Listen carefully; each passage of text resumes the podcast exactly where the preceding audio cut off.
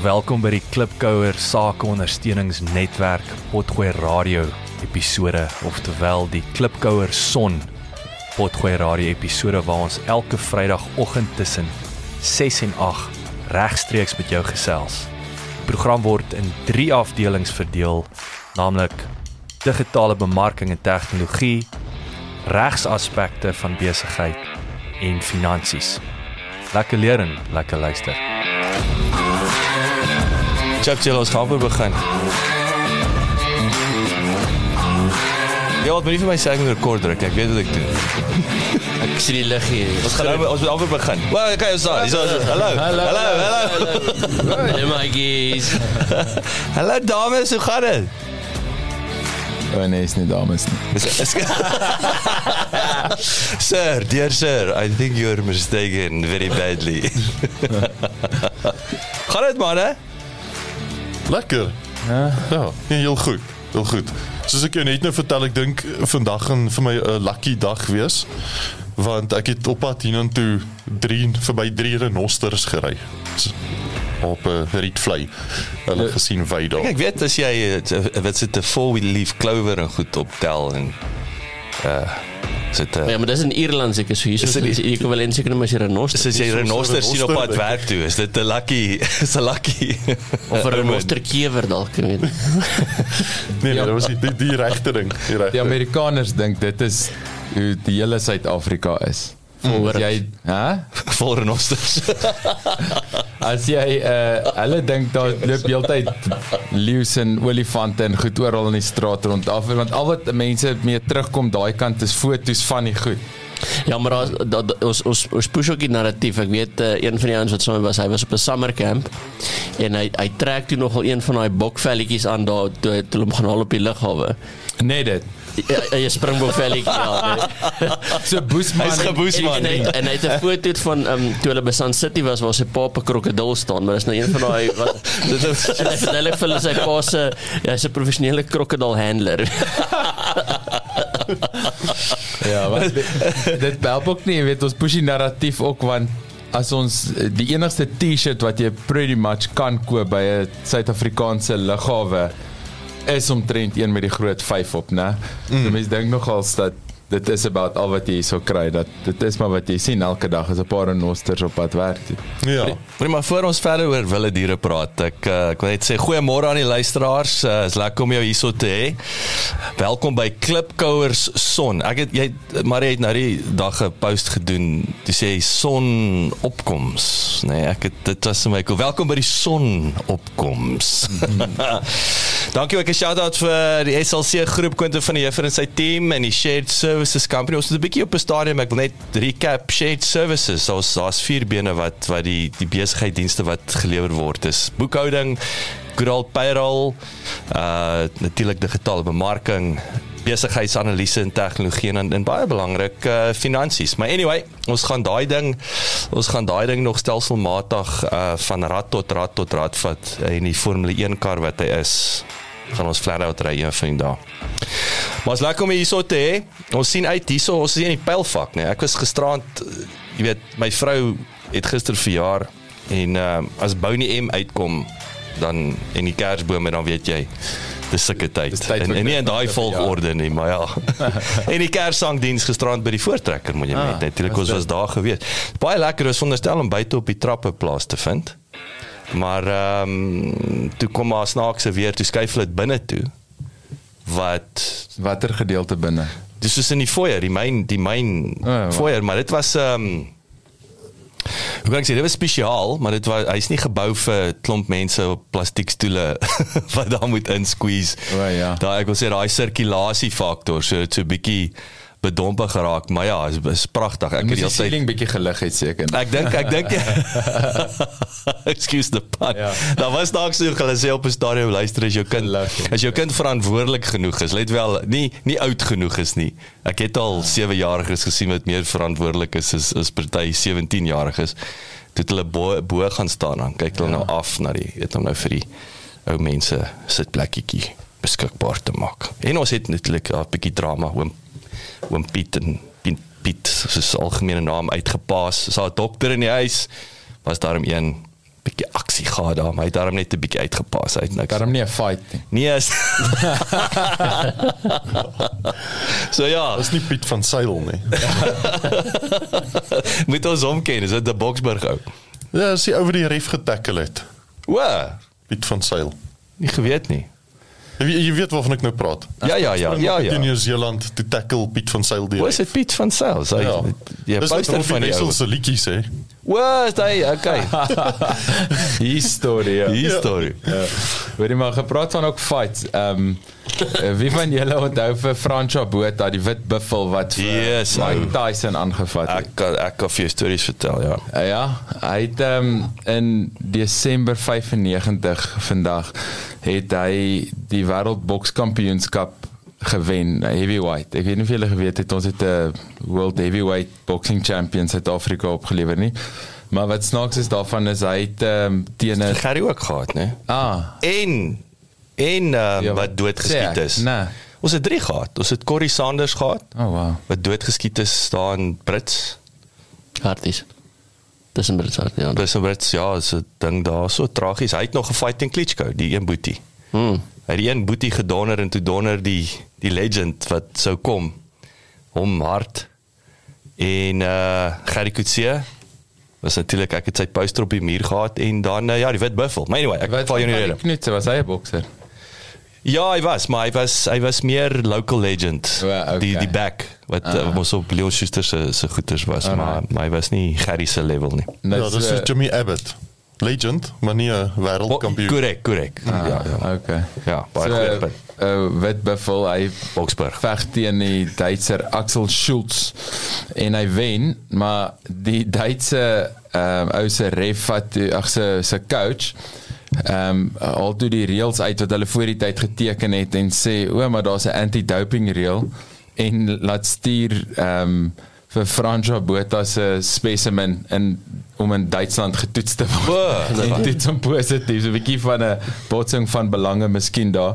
Maar toe weet klassiek nou ehm um, doping aantuigings het mos dadelik gaan kry op dokters voorskrif soos om 'n toets te mis op universiteit. Jy moet net 'n doktersbrief gaan kry.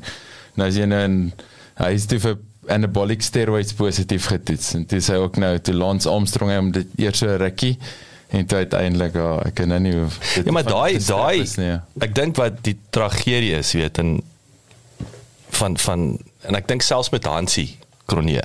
Hmm. Jy weet daar's ouens wat net en ek sê nie daardeur is cool nie. Ek ek en en ek en daar's 'n hele eh, ek ek dink ek gaan ek, ek dink nou weer aan 10 goed gelyk. Die die bottom line is is dit 10 die reëls is dit 10 die reëls. Mm. Die groot debat is is almal die reëls breek.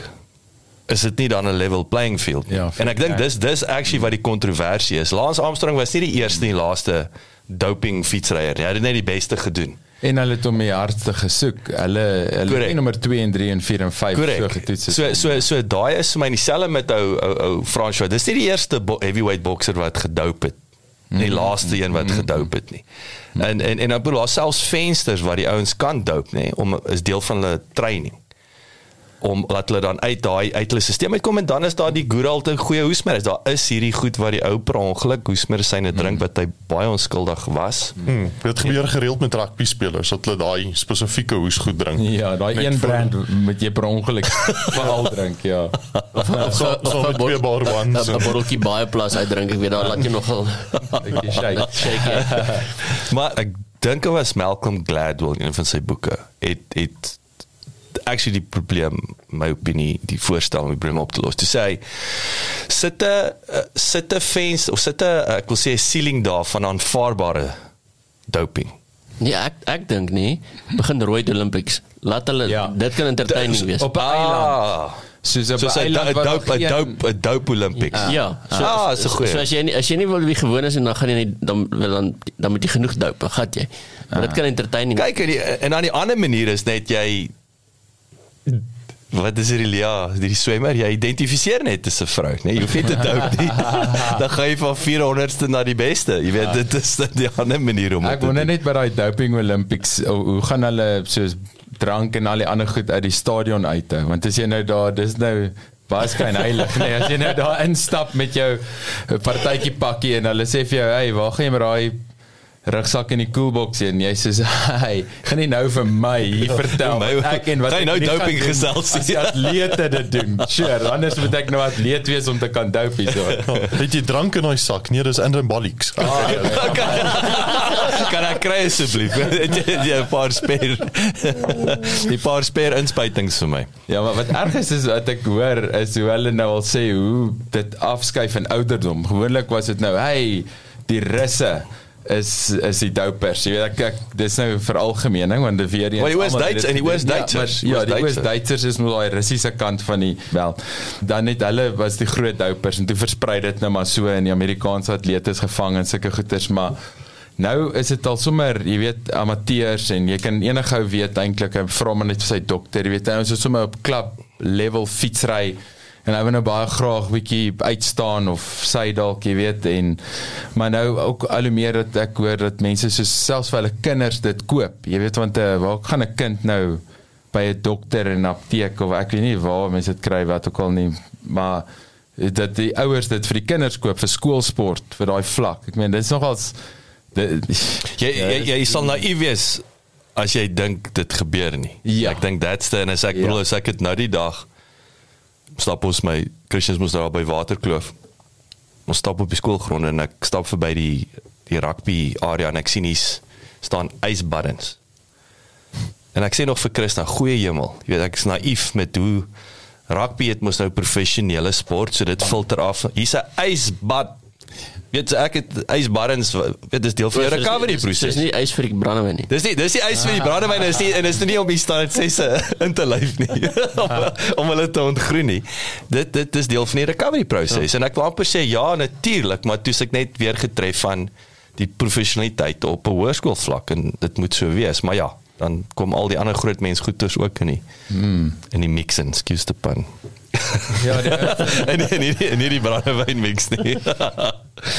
ja, nee, die ouens se sport doen maar net wat ook al hulle kan. Ek meen dit is 'n uh, ek dink as mens as mens geweet het hoe dit werk. Ek het al selfs gewonder of Jamie Oliver het of daai tipe ouens dalk so 'n bietjie uh, ietsie gerook of so van met hulle munchies in daai yskas ingaan en dan net goed begin by mekaar gooi en dan na die tyd dan sê Jamie what's your inspiration waar kom jy aan hierdie idees en hy sê Spinasie. Ja, of 12 in die aand as ek honger is, dan gooi ek dit goed by mekaar. Uh, big on green. terug terug so so topic of 3 terug. Ek, ek wonder of Boks die wit buffel nog steeds. Want hy lyk soos een van daai ouens wat nooit gaan ophou nie. So kom ek vertel jou, ek het hom actually gevolg, nê. Nee. Ehm um, ek het nou die dag toe kyk ek 'n bietjie ek gevaarlik, nie? Is is baie gevaarlik. Hy het nie geweet Van 'n entjie. Toe die af, toe die derde keer omkyk. toe besef ek ek gaan my bliksem, ek moet pas op. So ek's baie lief vir vir heavyweight boxing en ek gaan toe en hoekom ek hom so goed onthou was twee hoofredes. Dit was 1999, 'n Sondagoggend, ek het opgestaan en dis die Sondagoggend wat ek uit Bloemfontein het gevlieg het om my loopbaan, my my opleiding met Coke te begin. So daai oggend vlieg ek uit Bloemfontein uit, maar ek het vroeg opgestaan om sy fight teen Mike Tyson te kyk. Mm. En hy's besig om vir Mike Tyson op te donder. Hy het vir Tyson so geïrriteerd. Hy begin vir hom gesig te trek. Jy weet actually mm. en dis dit dis nou soos daai Japaneese ehm um, toerist wat uit die kar uit klim want die leeu's dis mos Hulle Hulle lyk doen niks. Hulle is so hulle is so vriendelik. Hulle speel daar. ons staan nader, ons gaan 'n foto neem en uh en uh die wit buffel het nie daai les van die Japaneese toerist geleer nie. En die een volgende oomblik kom maar Yes. kort regter. Hy slaat Tyson slaat sy kop van sy lyf af. Ah, hy gone. En ek sê daar ek ek sweer ek het gevoel ek wil begin huil nê want ek is so gesaai. Hier ons ons het hierdie white hope nê you can do it. nee so hy het 'n ongelooflike performance gehad. Hy het vir Tyson gegou maar okay dis ook nie Tyson dis Tyson post tronkstraf Ja, Tyson comeback. Ka- ja slash minder drugs. Nee nee Tyson was nooit dieselfde na die tronk nie maar nog steeds. Hy het uh, ja so nee hy het, hy het Ja, daarna vat 'n paar heavy heavy lekker fights gehad maar hy was hy was 'n uh, ek dink hy hy saai 'n bietjie van 'n carrière hy het hom ver gevat maar hy, hy het goed gedoen hy was nie 'n clown Dis nie te lank terug wat hy teen Sunny Bill Williams gefight het nie. weet hy Ja, Hy. van die Nieu-Zeelander. Was dit daai was Sunny Bill het mos nou ja ek weet hy boks Mm. Ja, hy nie wit buffel het toe Sunny Bill het gewen. En en Ja, maar die wit buffalo is seker 20 jaar ouer as hy al. Ja, jy is baie meer 10 teen 1. Ja, my hemel. Ja. Ek het nie dit geweet. Ek het ek het onlangs Sunny Bull se fight gekyk. Toe bliksem die die Jimmy Abbott van wel nie in size nie, maar mm. ek ek kon sê die Knudsen, die Kali Knudsen van Nieu-Seeland het vir vir Sunny Bull hard gedonner. Mm. Want hy's 'n bokser is 'n bokser, 'n rugby speler is 'n Ja. rugby speler. Mm, ja. So Franco Botha se professionele rekord was ehm um, uit 63 fights professionele boks het hy 48 gewen, net 11 verloor. Dis nogal goed, daar is soos 4 uit 5. Ja, wat is hy win ratio? Want ek het nou die dag 5.6, weet, ek ja. dink wie het ek nou die dag wat ook soos 'n 83% win ratio. Ek weet dink wie was dit. Ek bedoel enigiets van da is next level, nee. Maar wanneer wanneer begin hulle tel? ek Professioneel. ek dink jy moet eers sê hulle begin ophou tel Ja, daar. nee, vra, ek wanneer is wanneer is jy professioneel wanneer jy begin wen? obvious obviously. Nee, dit gaan actually oor in, of jy in in die federasie behoort dink ek. Ja, ek dink dat ja. hulle en nou, ek dink hulle het 'n rating system en en daar's ook reëls van wat is professioneel en amateur, jy weet, soos jy kan nie as jy amateur is en jy doen dit voltyds, dan is jy nie meer 'n amateur nie, dan kan jy nie meer dit is maar seker tipe goeie, so daar's 'n amptelike Code of conduct. Kyk hulle sê ook Ja. vir jou wie moet fight. Kyk soos nou hierdie fight met hierdie aap. Ek hou niks van hom nie, Fury. Het nou teen just ja, het nou teen Chisora beklei die Brit. Seker 'n week terug, twee weke terug en hy moes maar hy gaan nou teen Usyk. Ek weet nie of julle Alexander Usyk Hou jy nie van Fury nie? Ja, niks van Fury. Ek smal oor Usyk. Ek's Usyk ou. Mm. Maar jy met Usyk is 'n fascinating. Sy ou wat fight terwyl deel van sy training is hy speel skaak, ehm um, spoedskaak tussenin. Jy, jy moet hierdie ou jy, jy jy verstaan nie die ou se hy is op hy is uh, hy is ongelooflik intelligent, maar dis hoekom Ah. hy mos hierdie Joshua's opgedonder het. Hy het mos van cruiserweight opgegaan. Sê mos hy's te klein as 'n heavyweight, maar hy Joshua twee keer laat uh, parkering soek, maar maar ja, hierdie gaan nou die fight van die fight wees. Die eerste keer van 99 wat hulle al die belts is op die spel. Uh, Lennox Lewis het dit laas gehad wat jy letterlik met Usyk het drie belts. Ek dink Fury het twee belts of so iets. Dan gaan hulle nou jy dit gaan die eerste keer Winner wees. takes all. Winner takes all. Pink slips. Jy weet dit.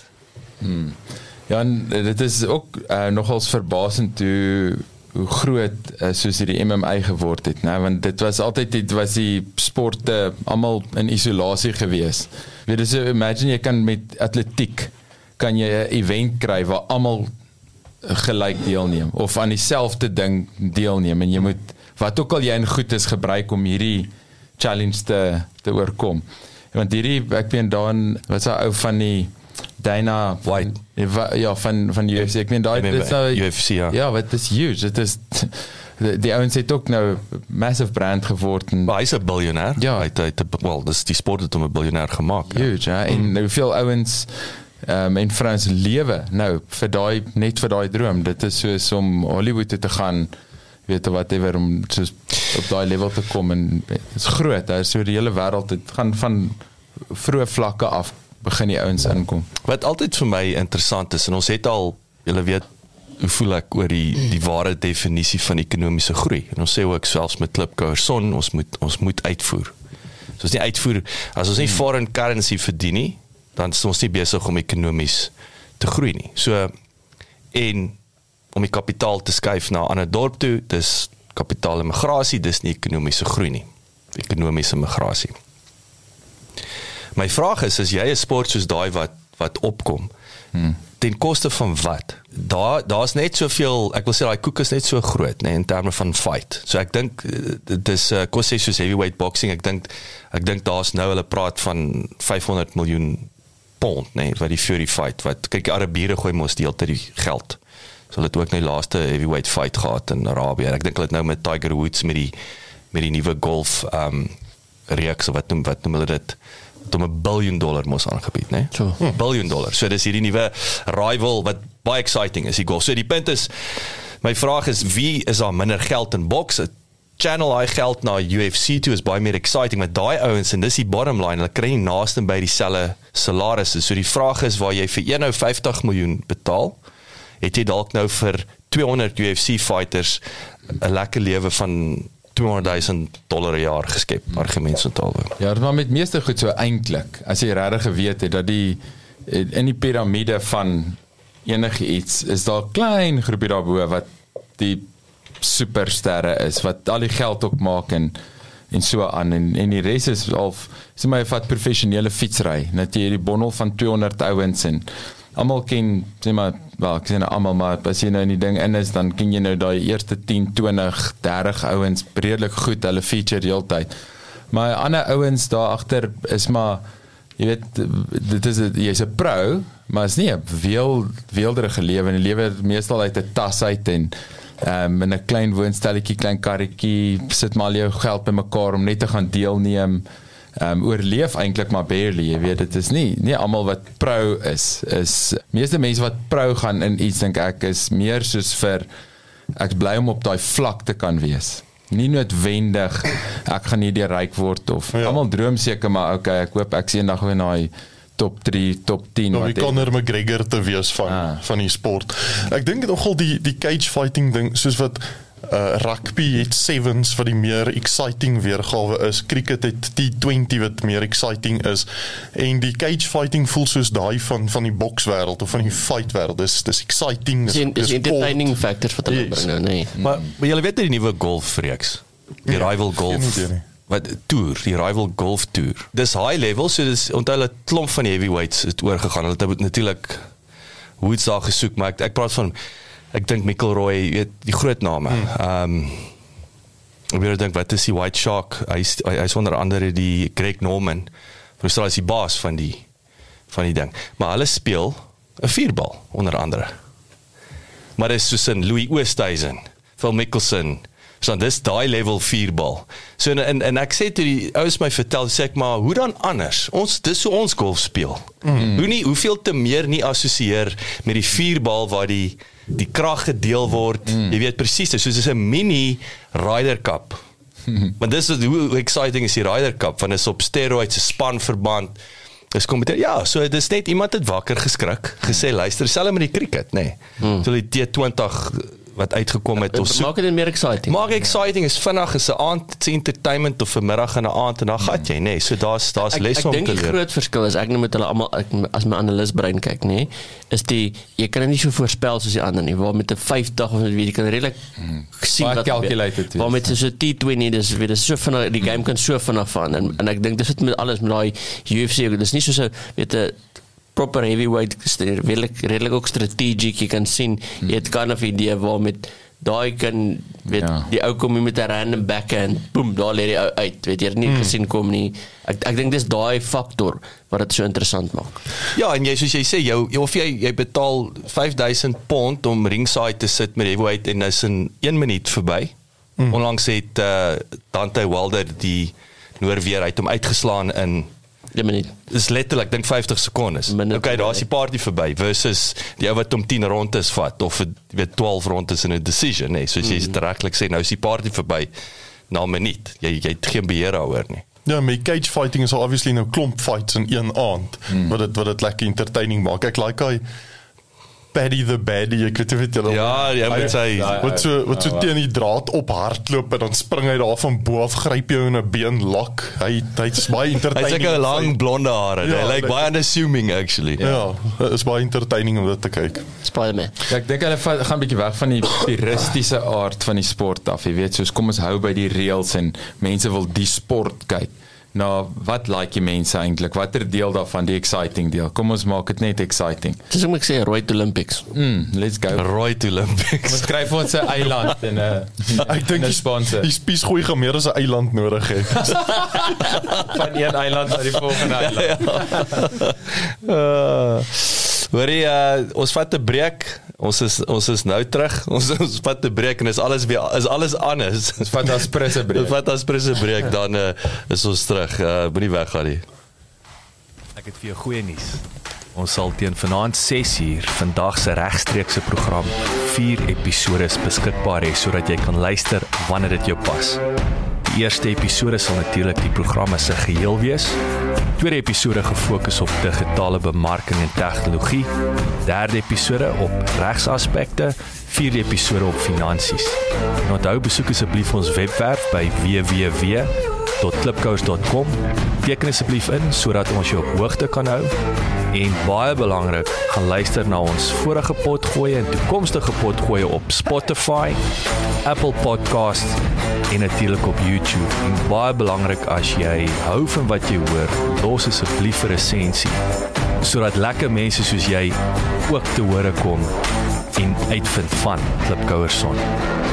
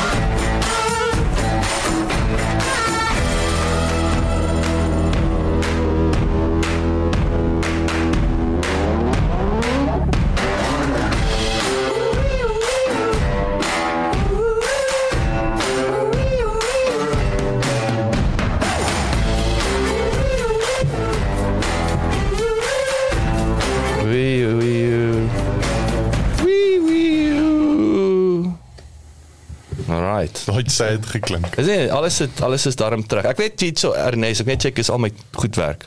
Auto-tune. Asa. Mense is reg vir die autotune. Ons. Ons hy klink wel is reg van die storie ook. So. Dis nog al 'n lang chair daai. Dankie mense, dankie. Ja, ja, dankie. sit, sit dankie, maar. sit, Sit nou. maar. Sit. Yes. anyway, wat uh Wel, is nog al lank cute. So ons hier's hier's vir julle verrassing. En ek en Dewald weet ons het nou nie gedeel waaroor ons gaan praat, maar dit is 'n verrassing, net Dewald.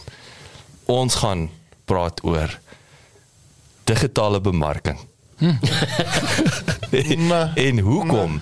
En hoekom jy dit moet outsource? Klink vir my na een moer se sales pitch. Ek voel ek maar dit is nie. En is actually daar's sekere goed in Dewald weet ek sê jy, maar julle almal ken my. Sekere goed is vir my so obvious dat ek dink dit is vir almal obvious en dit is nie die geval nie. Gee 'n voorbeeld, gee 'n voorbeeld. Ek sê praat gister met 'n vrou. Sy's 'n expert in Serrano's Londen. Sê ek hulle hulle kry jou akkreditasies. Jou SAQA akkreditasies, jou CITA akkreditasies en so aan. En sy stuur vir my drie opsies en ek het nie 'n donders idee wat daar staan nie. En ek sê vir haar, ek bel haar, ek sê vir haar I suspect I know exactly how people feel now when I talk about podcasting, né? Maar daar sekere goed wat in haar wêreld is, het sy nou net vir my drie opsies gegee. Mm. Soos in 'n ekstra en ek het ek verstaan dit so 50%. Die ander helfte het ek nie 'n klou waarvan sy praat nie. In haar wêreld is dit normaal, my wêreld is dit normaal, beteken nie dis vir jou normaal nie, né? Ja, ek ek sê altyd dis 'n dis common sense, but common sense is not that common. Verseker, verseker. Ek het een keer was al 'n vrou wat social media marketing klasse aangebied het. So sy vra toe ek dink iets soos 2.500 rand dan het sy op Zoom vir my nou 'n one-on-one klas gegee van so 2 ure lank hoe om Facebook marketing te doen. So haar marketing strategy is sy verduidelik dit vir jou so vinnig en so moeilik dat hier na ure en sê fuck it. Jy gaan dit dan moet doen. en, uh, Hoeveel kos jy? Ernest, Ernest, hoe kom hel jy? dan sê sy weet jy wat dit is nogal kompleks maar ek kan dit ook vir jou doen hier's my pryslys nou het jy klaar betaal Op vir 'n die sakdoekie. kursus Dis 'n goeie Net- funnel, ja. jy het haar 2.500 rand betaal om haar aan jou te pitch Ja. Paid, paid for marketing. dit dis briljant ek sal dit nooit vergeet nie Die trauma van digitale maar, bemarking. maar ek was bly dat ek daai geld betaal het net om haar model te sien ek meen dit is awesome om jou goed so te struktureer dat jy betaal word om jouself te bemark aan iemand ons hoef nie hulle name te noem nie want ons gaan nie vir hulle gratis bemark, maar daar's daar's 'n koppel in Suid-Afrika wat se besigheid geskoei is op digitale bemarking, nê. Nee. Hulle besigheidsmodel is nie geskoei op dit nie. Dit is hulle bou nou al funnels en goed. Dis ClickFunnels, ja. Ja, en maar nou het hulle al hulle eie version van ClickFunnels en ag ek dink Ja, maar hulle het 'n masterclass en hoe sê die eenhou dit opgesom? So so wat hulle doen en ek dink so 100 000 rand, nê. Nee. And by the way, dis dis wat ons hier doen. Die content en en ek hulle dis nie eers die content creation nie. 100 000 rand vir die om die proses te leer. En dit is jy skep die content, jy herverpak die content, jy bou daai landing page, sales page en jy bemark hom met 'n campaign en jy dryf die traffic, jy kry die naam en die e-posadres, kry die lead en en, en van daar af engage sy storie was dat hulle hom so vinnig daardeur getrek dat hy op sy knieë saamgesleep is. En ek sien dit nou nog altyd in my geestesoog. Kom ek gaan jou hand vat, maar ek gaan nou beweeg. En hy sê hy het na ruk getrip, maar hulle het hom saamgesleep op sy knieë. En die punt is jy gaan deur daai kursus dan weet jy actually nog steeds nie want dit daar's vir jou die teorie op papier verduidelik wat valuable is, maar die implementasie is die challenge en ek dink dis selfs wat ons nou oor gaan praat eintlik. Ja, ek ek, ek dink die ding is mens moet besef dit is kom ons vat maar soos 'n sport ook. Jy gaan nie die oggend en jy gaan 100 push-ups net doen nie en dis nou weet of jy word wakker nie as 'n CrossFit atleet nie. Ja. Dit dit jy moet I mean om 'n snatch te kan doen moet jy die die tegniek leer. So is daar ook ek wil dieselfde vat met enige daar's e- daar's die tegnieke en dan moet jy die toepassing van dit moet jy nog nou by dit pas en dan moet jy nou sê okay goed maar dit is in verskillende besighede anders. So die groot topik waar ons vandag praat is moet jy jou sosiale bemarking outsource. Nee, wat is outsource in Afrikaans? Uitkontrakteer. Uitkontrakteer. Nie Of doen jy dit self? nie. Maar Berkie, outsource. Outsource. maar, maar die Sourcey. die groot ding wat mens moet besef partykeer is en, en, en soos wat Ernest nou gedink het om iemand te kry. Dit hang af. Dis nie te sê jy moet nie, nê? As jy in die begin van jou besigheid het, het jy meer tyd en minder geld. Dan sal ek sê spandeer die tyd. Spandeer die tyd om hierdie goed te leer. Dit is 'n goeie skill om te verstaan. Dit help jou al gaan jy dit nie goed doen nie. En dan soos jy groei, en ek dink dit is waar ek gekom het, ek sê dan is jy at least gevaarlik genoeg sodat as jy iemand kry wat hierdie vir jou gaan doen, is jy kan jy saam praat. Dan sê jy, ek weet presies wat is soos nou wat jy gesê het daar wat jy die die feit dat jy wel die kursus gedoen het. Nou kan jy as jy iemand moet gaan outsource, kan jy dan by lingo praat. 'n En paar as- vrae vra. en 'n paar eh, lingo woorde ingooi, dan klink jy net meer intelligent wat dan die ander ou persoon dalk sê, ek wag, miskien my prys laat daal. So, en weet wat om dop te hou. Daarom 'n klou het wat wat aangaan. As jy eers probeer het, maar ek dink jy moet ook as jy sien wat jy self probeer werk nie jou hand opsteek en gaan vra. Want dit is cool as jy eksperimenteer, maar as jy probeer om jou lewe te red deur 'n besigheid te bou en jy eksperimenteer, dis dalk nie nou die tyd om 'n nuwe skill aan te leer nie. Dis soos luister, jy, ek wil eintlik Jy moet jy moet die foon optel en en eh, dit kom terug na bel 5 ouens elke dag versus Ja. ja. figure dit uit. Ek soek sales nou om my hoofdiens of produkte verkoop nie nog 'n lewensles op pad soontoe nie. Mm. Mm, sin, ja. En dis baie is 'n baie belangrike punt. Dis ook weer eens daai ding, ekskuus dit wel, dis dis jy regtelik sê is verstaan die basics. Ek dink as jy en dan af van jou besigheidsmodel. Jy weet dit is hoe ek moes met dit wegspring met hierdie podcast game. Maar maar ek dink deel van dit ook as jy as jy dit nou verstaan en dit is dit kom sluit nou aan by my punt is waar gaan soek jy nou hierdie? Jy kan of daar's gewone tradisionele advertensie en bemarking weet maatskappye wat 'n sosiale media been het. En of jy kry mense wat spesialiseer in net sosiale media bemarking en dan kry jy nog selfs wat nog meer verder niche gaan spesialiseer in 'n subdivisie van dit net in LinkedIn of net rondom Google of Twitter of Instagram Reels. Ek meen en en ek weet as ons nou terug gaan hierdie UFC eksempel, ek meen vandag kan jy net 'n TikTok star wees, weet en daar's 'n strategie meer wat jy kan doen. So so ehm um, die punt wat ek wil maak is om te sê is voor jy in hierdie moet jy net die basiese beginsels verstaan en dan gaan dit weer eens wat ek wat ons laas gesê het strategie en Jacques kan ook vertel van voorbeelde hierso is jy soek nie 'n Facebook poster nie. Hmm. Jy jy moet verstaan hoe pas hierdie sosiale media strategie by jou huidige bemarkingsstrategie. Nou as jy nie 'n huidige bemarkingsstrategie eers het nie, is social media nie die silver bullet nie. Ek dink dis belangrik om te verstaan is social media is net nog 'n kanaal, nog 'n metode om jou bemarking te doen. Ja, hy kan baie effektief wees en baie goed wees en beter wees as van die ander bemarkingskanale wat jy doen, maar dit hang af. Dis nie dis ook sê dit is nie dis, dit hang af van jou besigheid. En dis hoekom ons sê ehm um, maak seker jy verstaan genoeg en jy weet wat is die strategie sodat as jy met met mense gesels, hoe implementeer ons die strategie en dat jy iets het om teen te meet. Want anders is dit net uh, so is die pryslys, hoeveel posts wil jy hê? En hmm. en dan en dan na 3 maande sê maar hier gebeur niks nie. Waar waar is my geld? Wat dan sê ek maar wat wou jy gehad het moet gebeur? Ja, nie nie net my logo onder op 'n Nelson Mandela quote nie. dit is nie wat, social wat, media wat fout wat was fout met daai daai post? Daar's nie 'n strategie daar agter nie.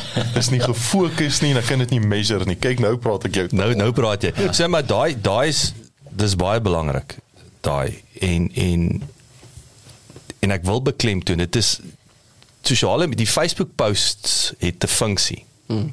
Dis net nie net die dink dis dis, dis lead gen nie. Mm. En ek dink dis selfs daar, weet jy wat wat is die drie basics, nê? Nee? Ons het brand awareness. Daar is saam met brand awareness is 'n uh, social proof. Dis die woord. Social proof jy bestaan. En dan is daar nommer 3 is lead gen. En ek dink dis dis eintlik waar die probleem inkom. So daardeur sê ek nie ek sê altyd 'n Facebook poster. Jy het baie Facebook posters elke tweede Willie Wally is nou 'n digitale bemarker wat nou daai Mandela nou post jy. Nommer 1 daar's nie 'n strategie agter dit nie soos ons sê. Nommer 2 is dit beteken nie jou besigheid is van swaar dat jy gaan maklik leads generate. Mm. En by the way, en maar ons het die gesprek onlangs gehad. Jy kan post, maar as jy 'n kampanje gaan bou, dan moet jy vir betaal vir die petrolgeld vir Facebook. En daar's baie ons wat dit nie besef nie. Sê so, wel, jy kos nou R5000, jy gaan nou vir my hierdie kampanje bou. Weet jy, maar dan moet jy nog R3000 bysit. Wat wil jy ek moet nog R3000 bysit? Nee, dit is hoe Mark Zuckerberg 'n biljoenêr is. Hmm. Ons moet hom ook betaal. So dis nie goedkoop nie. Al al al kan jy al wil ek sê kan jy die content verniet skep wat in dis 'n gesprek op sy eie. Wat wat gaan jy bemark by the way? Wel in, in tradisionele bemarking kan ek selfs sê as die pamflet. Die een is om die pamflette te design en te print maar dan moet jy nog steeds iemand gaan Jy moet die goal by die by die robot kry wat nog uit. Wat gaan wat gaan uitgee? Dis 'n baie goeie voorbeeld daai. Ja. Die die die pamflette deel nie van self uit nie. Ek hou baie daarvan. Jy slaat die spyker op die kop. So so daai is wat wat ouens die besef. So dis nie and by the way daai one-offs. Dis is om weer eens te sê ek het nou net ehm um, dis is om jou uh, ek julle ek hou nie van 'n billboard nie, maar nou pop jy jou billboard op en jy sê na 3 weke, nee wat, haal hom af. Dan werk jy op die N1 nie hoe weet jy gebaseer op wat? Is jy is jy seisoonaal? Nou kom ons weer terug met 'n sales cycle. Mm. Het jy op die regte tyd? Hey, Humbo? Hey, Humbo. Yeah. You're 20 minutes early, man, but that's a very good problem. Give that Thanks, man a belt. Amazing. Ons drink nie hierson nie. Jy wil ons drink nie terwyl ons. Dis net dis net bier gewees on the table outside. Dankie Embo. Ek het nou weer vir 'n bietjie belly ingegooi. Nee. Maar wat wil jy nee? Nee. wil jy jou klokke laat lei? Ja, dis dis as jy winkie met die kar. Ja ja ja ja. Nee, stop binne. Ja ja ja, maar dis 'n goeie idee, dit sluk twee. So en dit is belangrik dat jy moet jy moet seisoen, jy moet gaan kyk na jou sales cycle, jy moet gaan kyk na die teikenmark toe. Dis nie altyd net kyk nou ek gee 'n praktiese voorbeeld. Ons het nou besig met 'n kampanje. So eenste kampanje met 'n lead magnet. Nou kry lead magnet vir die ouens. Jammer as ek julle weer verveel met goed wat ek al duisend keer gesê het, maar daai lead magnet is 'n stukkie dis jou dating. Is ietsie van waarde wat jy verniet weggee. En in ruil daarvoor soek jy um, jy wil 'n verhouding hê. Ek soek jou naam en jou e-posadres. Wel wel dit is daar soos by die soos jy nou praat van is by die bar kom ek koop jy vir jou drink. Ek koop vir jou drink. Dan chat ons. Absoluut. Jy luister jy, jy like dit met die trou. Hoe like dit wil jy exactly? Ja. ek het dan goed wat ek aan dink hier maar dat ek so na die show oor praat. Vat hier my bells. wat ons later dink. Ja, vat vat in die klokke. Maar in elk geval die So jy gee daai maar okay, hier is die punt. Hierdie is 'n agri gedrewe kampanje en die dinge gedraag om die groen lig te kry. En nou nou hardloop hy. Nou kom ek agter ek kyk nou ek sê nee hier's nie traksie nie hoekom want die boere is besig om te plant So maklik soos dit. Hy het nie tyd om. Hy luister nie nou nie. Hy Hy hy ja, hy, hy, hy is in die oggend uit. hy is in die veld. en Hy's moeg en hy's die moer en omdat dit omdat dit reën ergens en hy, hy hy sit in stres. Jy weet om op Facebook posts te kyk nie. Ehm um, so dis daai is weer eens. Jy weet jou timing is Wel, ek alles. moet net by sê ek wil nou nie jou, jou punt wegvat nie, maar ek dink tog mense moet ook nie vergeet dat hoe selfs 'n boer of enige iemand daar buite jy baie verslaaf is aan hulle fone en gou-gou incheck en goeders nie. Ja, maar ek ja. wil nou nie wegvat Ja, van wat wil jy sê hy, nie. hy wil nie nou strategie of so nie. Hy- Of hy wil da- gou 'n bietjie 'n joke lees wil- of eh, hy wil gou-gou gou- een ja, ja. Hy wil ga- hy wil game speel vanaand. Hy Ja. hy kom hy wil. Hy het 'n tracker game wat Uh, as jy as jy by my wil uitkom met jou 'n game adverteer. Net so by the way, nee. Baie belangrike punt Ja. daarso. Kom. Kyk maar daai net so, daai is actually verskriklik belangrike punt. Is waar waar waar ontspan daai ou en dit is selfs ook dis deel van jou strategie. Ja, daai kry timing reg. Nou sit die boer op op die strand en hy gaan heel waarskynlik jou goed sien of is nuwejaarsvoornemings wat ook al. Maar moenie onderskat presies dit waar ontspan daai persoon in jou teikenmark. Jy moet hom net nou nie irriteer nie, nê. Nee. Dit moet net dis nou weer belangrik dat dit waardevolle inligting is dat die ou kan sê of die vrou wow, yes, hierdie is interessant. Ek rus nou maar hierdie is interessant. Ek mm. ek, ek gaan hierdie ding download, nê. Nee, Yes, versus yes, yes. ag vader, jy, jy adverteer, jy druk alweer jou produk onder my neus in. Mm. En ek kan nie asemhaal. En en dit is 'n strategie op besye, nê, om te sê hoe want dis disruptive, nê? Hoe kan ek jou want, want ons almal het nie tyd nie. Hoe kan ek 'n stukkie tyd vat? Maar jy voel jy kry waarde vir as wat jy weet 'n tipies hierdie bemarkings um, oproepe wat jy voel jy 'n stukkie van jou lewe nou verloor. Ja. Weet dis daai met die die die, die, die, ergste bemarking nee want die probleem is moontlik is ek sal sê in die versekerings want die probleem is jy kan nie net vir my 'n quote gee nie jy moet my 20 minute besig hou vir my ek het nie tyd vir dit nie Ek dink ek gaan 'n call center oprig. Nou En dan blaas jy hom op en dan blaas jy hom op. 'n Nee, wat wat nee wat want jy bel die call center Ja. as iemand die hacker, bel- hacker wat die hack, hacker hack. As iemand Ja, my ek bel en ek ken nie die nommer nie, dan gaan dit eers na daai call center. Soos 'n sekretaresse wat gatekeeping doen. Sê wie wie bel nou? Soos wat mense wat sê die um, spam blokker en daai Truecaller. kry Truecaller en dit. So dan da- divert hy hom dadelik soen toe. As ek dit nie nommer ken nie, antwoord iemand anders en sif eers. Okay, waaroor gaan hierdie? Wat, wat ek ek ons Nee, maar hulle nie sif nie vir jou nie. mooi dankie sê maar nee dankie nie. Maar hulle Kom net by nie. my. Hulle instruksie is hou hierdie ou vir ten minste 25 Ah, minute besig. yes. ja, 'n call center vir call Ek kan nie hoorie, ek kan nie hoorie sê weer. Ah, ja, okay. Wat is dit wat jy doen? Nee, maar daai is en daai is vir my ja dan die einde is o nee ek is nie meer dekker nie Ek is nie, ek is nie weer dekker. nie. Eh, sorry man, sorry, Ja. sorry. Daai is vir my, maar daai is die pinnacle. En jy kan natuurlik werk dit. Daar's 'n rede is van ons grootste maatskappye in Suid-Afrika mm. vir hulle 1000 mense spesiale kantoorspasie gee nê mm. om te bel. So jy weet gee die duiwel wat hom toekom. Maar vir die klein sake onderneming gaan dit nie vir jou werk nie. So kom ons kom ons kom terug na die na die wat ek wil beklemtoon het van posts. En ek wil terugkom na social proof toe. Net soos wat kan jy kan jy 'n suksesvolle besigheid ran sonder 'n webwerf? Ja, ja, jy kan. kan jy kan. Jy kan. Ehm um, Maar jy weet nie wat jy verloor nie. jy weet nie, maar maar in dieselfde asem, dis dieselfde om te sê, ehm um, kan jy besigheid doen sonder 'n LinkedIn profiel? Ja, jy kan. Die vraag is net wat is daai waar jy in daai vertrek instap en ouens wil jou uitcheck. Ek dis hoekom ek vandag een af gesê het lyk groter as wat jy is. Een van ons kliënte was 'n verskriklike groot kompliment. Was hy hulle is crypto mining. 'n Crypto mining werk met groot die grootste jou Anglos, jou Zaros en so aan.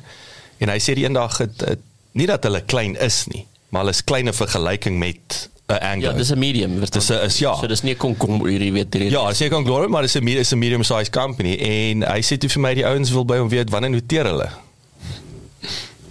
En is so 'n job done. Job done. Mm. Ons het ons laat jou baie groter lyk as wat jy is. En weer is omdat jy met heavyweights werk, is dit soos dit weer eens, jy wil as jy as jy heavyweight is, wil jy nie jy wil nie lyk asof jy nou 'n girl gaan fight. As ons kom nou terug na die fighting toe wat wat uh, uit Ethiopië uit jy hoor wat ek sê, jy soek 'n jy soek 'n ewe knie, jy wil jy's 'n warrior wat dieselfde 6 voet 6 ou soek en hy gaan jy wil hom na jy wil hom 'n hart bliksem en jy wil wen. Mm. Nou bring jy vir my is amper Dawid en Goliat. Toe kom bring jy nou vir my hierdie Seentjie. seentjie hierso, né? Kyk famous last words. Ja. Maar maar maar is daai dis vir my die ekwivalent. So as jy met 'n sekere kategorie tipe en dis weer eens, wie is die teikenmark? Hoe groot is hulle? Hoe lyk hulle? Hoe ryk hulle? En lyk jy aan par as jy daai gaan gesprek gaan hê? Lyk jy soos 'n medium size company as jy met 'n large company gaan praat? And by the way, dis hoekom die groot ouens met die groot ouens besigheid doen. Hmm. So as jy daai by die daai konsep wil weggooi, sê ek vir jou is, uh, jy, jy jy gaan geld op die tafel laat. En dis nie bloot fake it till you make it nie. Nee, dis actually om te sê stel jouself ten toon wat jy verdien. Ek meen lyk Was dit daarom jou sit jou beste voet voor. Ja, verstaan? Is- exactly, eh, ja. Dis om te sê weet eh, jy jy dalk nie jou gewoonlik by die huis het jy net jou plakkies en jou kortbroek aan, maar weet as jy nou die aand gaan vir 'n date dan trek jy nou proper aan, verstaan? Dis Dan dan nie. het ek my vellies en my kortbroek aan. Dan trek jy skoene, dan trek jy Dit net skoene aan. jy jy skoene aan. Jou skoene aan. Alright, so so so op skoene gepraat. So ek wil gou net daar's net vier voordele wat ek net wil spesifiek uitlig nê dat hoekom sal jy nou jou met sosiale media of sekere van jou bemarkingsfunksies wil um, wil outsource. Die die grootste voordeel natuurlik uh, nommer 1 is dat daar's dadelike kundigheid. Kundigheid vir almal. maar, eh, maar maar dis die groot ding met enige ding is met 'n skill set wat jy inkoop is ja, jy moet betaal daarvoor, maar daar's altyd 'n leerkurwe. So of jy kan dit self doen en dit kan jou enigiets van 3 tot 6 maande tot 12 maande vat of die feit is nou dat die PRC het al betaal, daar's dadelike kundigheid wat jy weet jy kan dadelik uit die blokke uitspring. Maar daar kan ook 'n leerkurwe wees dat jy dalk eers by die verkeerdes uitkom of dalk op die verkeerde terme kontrakteer en dan later moet sien o, oh, dit was 'n leerkurwe. Na, natuurlik, dis hoe ek sê dis dis 'n deels van hoekom ek sê dat jy so bietjie weet van dit mm. en jou strategie weet dat jy sê okay goed, ek het nou klaar, jy het nou klaar 'n top 3 gekortlys en nou weet jy so so dan ek is nou klaar jy, het- jy het nou besluit op hierdie persoon so wat is die voordeel daarvan? Die feit dat jy die kundigheid klaar inkoop. En dit, dit, dit uiteindelik is nou nie net op bemarking van toepassing ek dink dis met as jy in ingenieursfirmas kyk en enige tipe professionele diens dienste tipe maatskappy. Ag kom ons vat self 'n boubedryf weet as jy 'n goeie teeler het wat jy kry daai kundigheid om hom die ekstra te betaal is baie meer werd as die ou wat nou net begin teel. Die feit al die teels wat hy breek en mis lê en weet dit kos jou baie meer in jou besigheid as om nie kundigheid. Weet daar's 'n daar's 'n ding rondom kundigheid wat jy kry. Alrite nou, dis nommer 1 is dat jy dadelik het access tot hierdie ekspertise en die kundigheid. Nommer 2 is dat daar's nou weet ons al- altyd sê oor die tegnologie, daar's sekere bemarkings tools wat wat wat in die industrie gebruik word en weet jy daar's ook 'n leerkurwe met dit wat jy nie geweet nie. So die feit dat jy die kundigheid het, saam met dit kom maar ook 'n uh, 'n tegnologie 'n uh, tegnologie komponente wat hulle saambring. En gewoonlik wat ook gebeur is baie van hierdie tegnologie uh, sagte ware is partykeer te duur vir jou alleen. Die die nommertjie maak weer sin as om te sê, oké, okay, ons het 10 klein besighede waarvoor ons 'n uh, CRM en e-mail marketing en sulke gedoen. Weer eens daai daai verspreiding van 10 maak nou sin. Waar weet jy kan nie 'n hele Salesforce marketing ding by jou eie gaan koop nie want dit is wel een is duur en twee die die sagte ware is is ook 'n leerkurwe dit weet die sagte ware vandag is daar so baie metrics wat jy kan meet en goeders dat dit, dit self die sagte waarom dit net ook te leer het, het ook 'n leerkurwe. Alraai dan nommer 3 is dat omdat jy nou behalwe nog vir die kundigheid en die en die tools het is dat daai persoon het ook die kundigheid om die interpretasie te kan doen van soos wat Jock nog gesê het van okay ek het nou die kampanje gekry ek het nou die hierdie strategie wat ek nou implementeer nou kan ek hom meet en sê maar hoekom werk hy nie? Weet weer eens versus die Facebook poster wat net soos blindelings net elke week en niemand vra vra tot Ernest sê maar hoor jy my foonlyn nie of maar jy dalk nie daai gekommunikeer nie verstaan so dit waar daai nou weer eens inkom as jy as jy met 'n professionele persoon werk is dis klaar ingebou as deel van ding daar's 'n kundigheid om te sê ek het daai om dit te doen ek kan dit meet ek kom terug en sê iets werk nie maar jy weet wat Partykeer kan jy die kliënt saambring op hierdie journey, nee, om te sê iets werk nie en dan sal hulle kom, "Ah, oh, maar die boere plant." Dis dalk hoekom. Jy het nie daaraan gedink nie. Of ek het werk nou so lank in agri dat ek kan jou sommer klaar sê, die beste strategie is om nie op sosiale media nou te adverteer nie, maar kom ons gaan uh, ons weet op Henties Bay sit al hierdie manne vir die mielieboere want dis is weet niche klein maak dis die ouens wat ek wil kry. so dis nommer 3 en dan nommer 4 is dat weer eens as jy enige kundigheid inkry, eksponensieel gebeur dit vinniger. So jou sosiale media tentoonstelling groei so eksponensieel baie vinniger en dis weet daai tyd vandat jy frikkie niks is tot frikkie beste is baie vinnig nou weet. Best frikkie. Frikkies. Nee dan alles is nog 'n frikkie. BA BF BF best frikkie dan wil ek net gou nog 'n paar goed sê so dis dis die vier voordele en dan hoe weet jy nou of jy of jy dit nou met ouers so daar's ses vrae wat jy vir jouself kan afvra om te om te bepaal of jy dit nou eintlik moet outsource. So die eerste ding wat ek, wat ek in die begin ook al gesê het is het jy tyd? Het jy tyd om hierdie sosiale media want mes, dit is nie dis nie soos 'n 'n prentjie te gaan kry van Nelson Mandela 'n lekker quote te kry op te plak en gooi hom net nie. Dis dit, dit is daar's daar is bietjie strategie agter om te weet ek moet 'n maandagooggend dalk kyk as of dalk met 'n partytjie nie Nelson Mandela op die prentjie met partytjie is 'n milie goed, weet. Dit dit, dit hang af. Fransjo Pinaar is beter dan. Mm. ja. exactly. Verstaan so so dit dit is die een ding soos ek sê, het jy tyd om dit te doen want, want as ek sê tyd partykeer het ons pockets van tyd. Ding van hierdie ding is daar is, is dieselfde so een push-up. Die bemarking vir al die sosiale media is die consistency. Nie die ek het hierdie week het ek 5 posts doen en dan snik jy vir 'n maand weer nie. Hmm. Die die sosiale media ding is daar met dis die die met die hele tyd die hele tyd te doen sodat jy on top of mind is. Want as jy dit die rush gaan jy doen dit vir 'n week wild en dan vergeet jy weer van dit. Jy verloor jy verloor traksie. En dit tel ook 'n bietjie teen daai social proof wat jy van praat, Jock. Is dit nie want Ehm um, dit dit lyk nie so social proof om inconsistent te wees met goed. Jy lyk jy skree jy's 'n clown uh, en dit ja. kom en en ek kan dit nie genoeg beklemtoon nie. En ek sê weer, gaan dit jou besigheid se deure toemaak aan die einde van die maand? Nee, nie noodwendig nie. Maar dit kom terug na na wat soos jy regtelik sê, wat los jy op die tafel? omdat 'n ou jou gaan soek het op LinkedIn en jy's nie daar nie. And by the way, dis deel van jou digitale bemarkingstrategie. Hy gaan soek jou op Facebook. Hy gaan soek jou webwerf. Hmm. En jy lyk soos 'n clown of hy's nie daar nie. Hmm.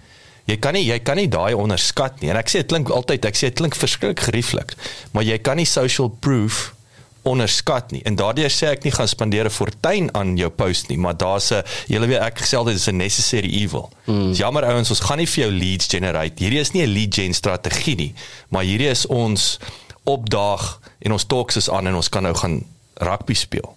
Voor dit is ons kan ons nie eers gaan speel nie. Ons kan nie by die hek inkom nie.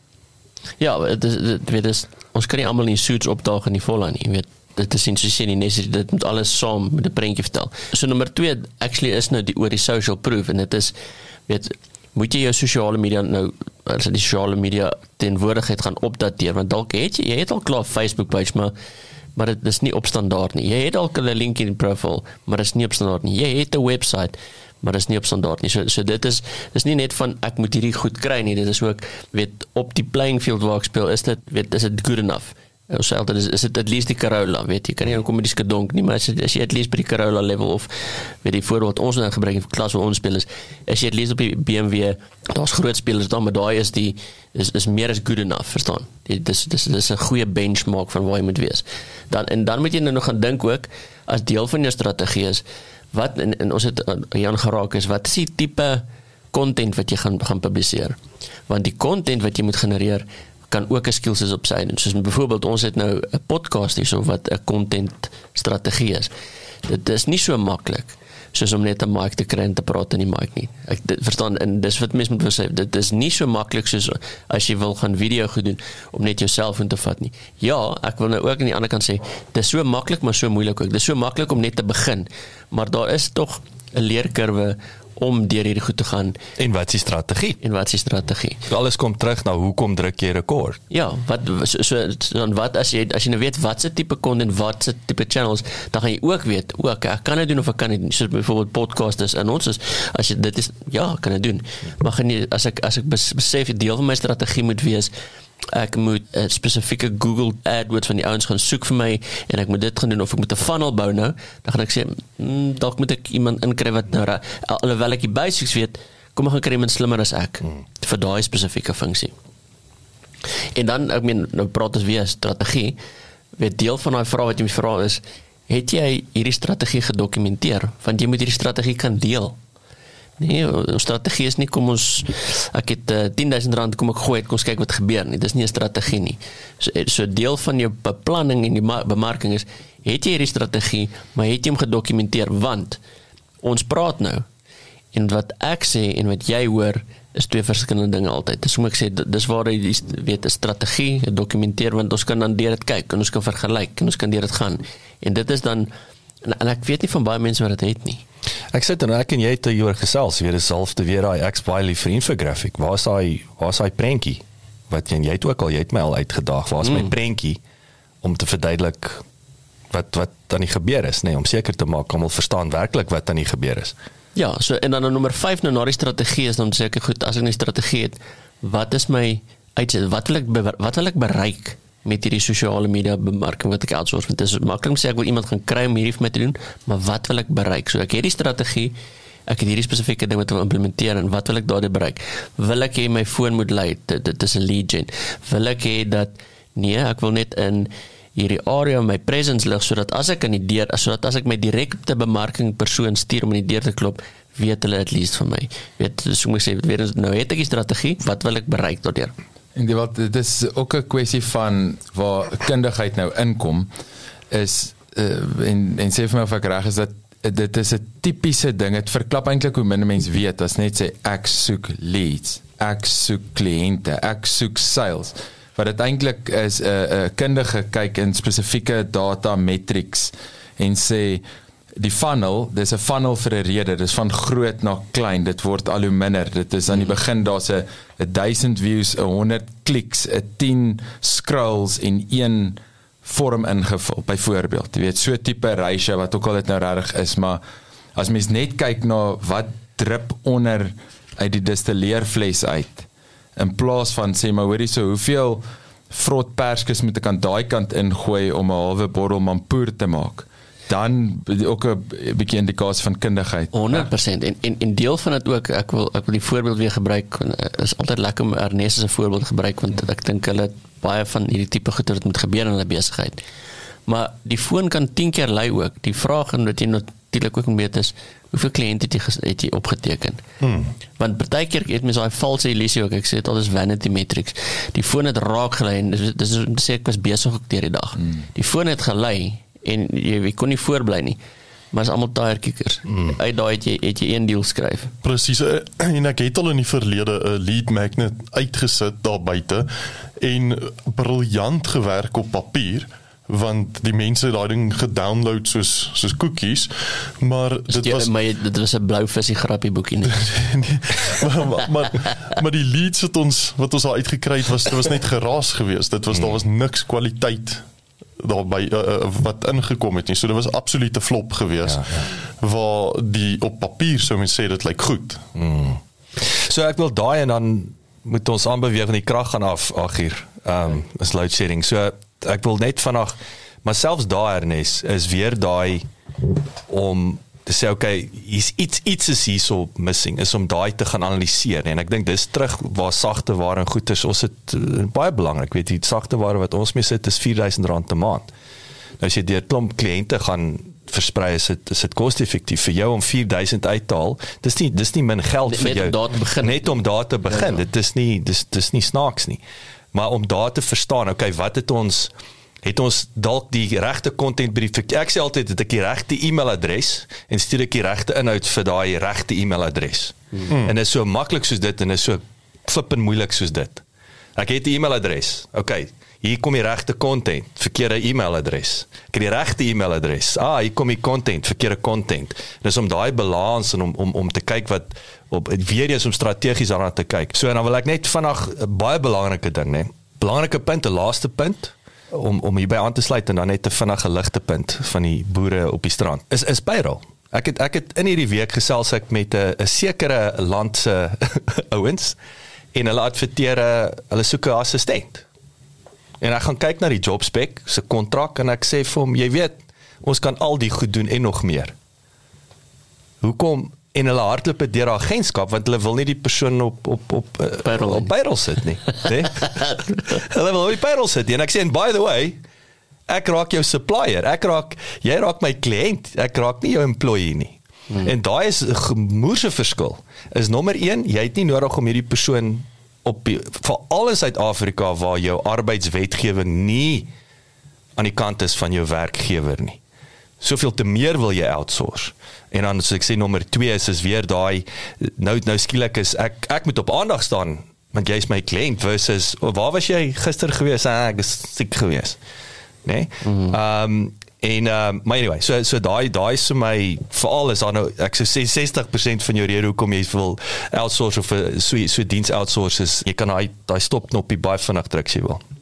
Ja, ek ek ek wil net 'n laaste wel net net aansluit by deel van hierdie ding is en ek dink soos jy gesê het in die begin, dis nie dat jy verkoop nie, maar ek wil net herinner vir die luisteraar dat dit is deel van die shared service ding is dat hierdie tipe strategie digitale bemarking is is core tot wat gedoen word. So weet as jy so behoefte het, weet kom drink 'n koffie by Bouma hmm. 21, weet kom gesels en weet kom explore dit verder is dit weet is no obligation tipe ding. Um ek, ek partykeer ek sê partykeer met mens net jouself net vir die mense herinner wat jy doen. Ons hmm. vergeet dit partykeer. Ons, ons neem aan dat die feit dat hulle luister na digitale bemarking dat hulle weet jy doen dit ook. So as ek die eerste keer 'n webinar gedoen het en ek spring uit die blok uit en die ou stop my sy digitale handjie gaan op by the way hierdie was 6 jaar terug gaan sy handjie op en sê wie's jy vra hy vir my. Ja. ja, dis is 'n jy dan ingeteken. Hoe het jy nie wat is hy wie's jy? Ja, okay, dit nice vir ons, nee. Ja, ja, ja. 'n Laaste komment van my kant af is hoe weet mense jy moet digital marketing outsource? As jy dink content is Zuma se kamp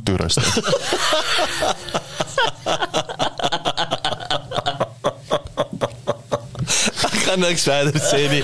Ons is ons is nou terug. Ons speel weer 'n bietjie Afrikaanse musiek. Shout out uh, aan Lydia Winchester. Is 'n kunstenaar wie sy verteenwoordig. En ek het vanmôre gesê ek vir die man ek dink ek gaan elke ek gaan elke liedjie twee keer speel, herhaal elke week. So hierso is dinge van 'n kind van Rich Garden. Ons is nou weer terug.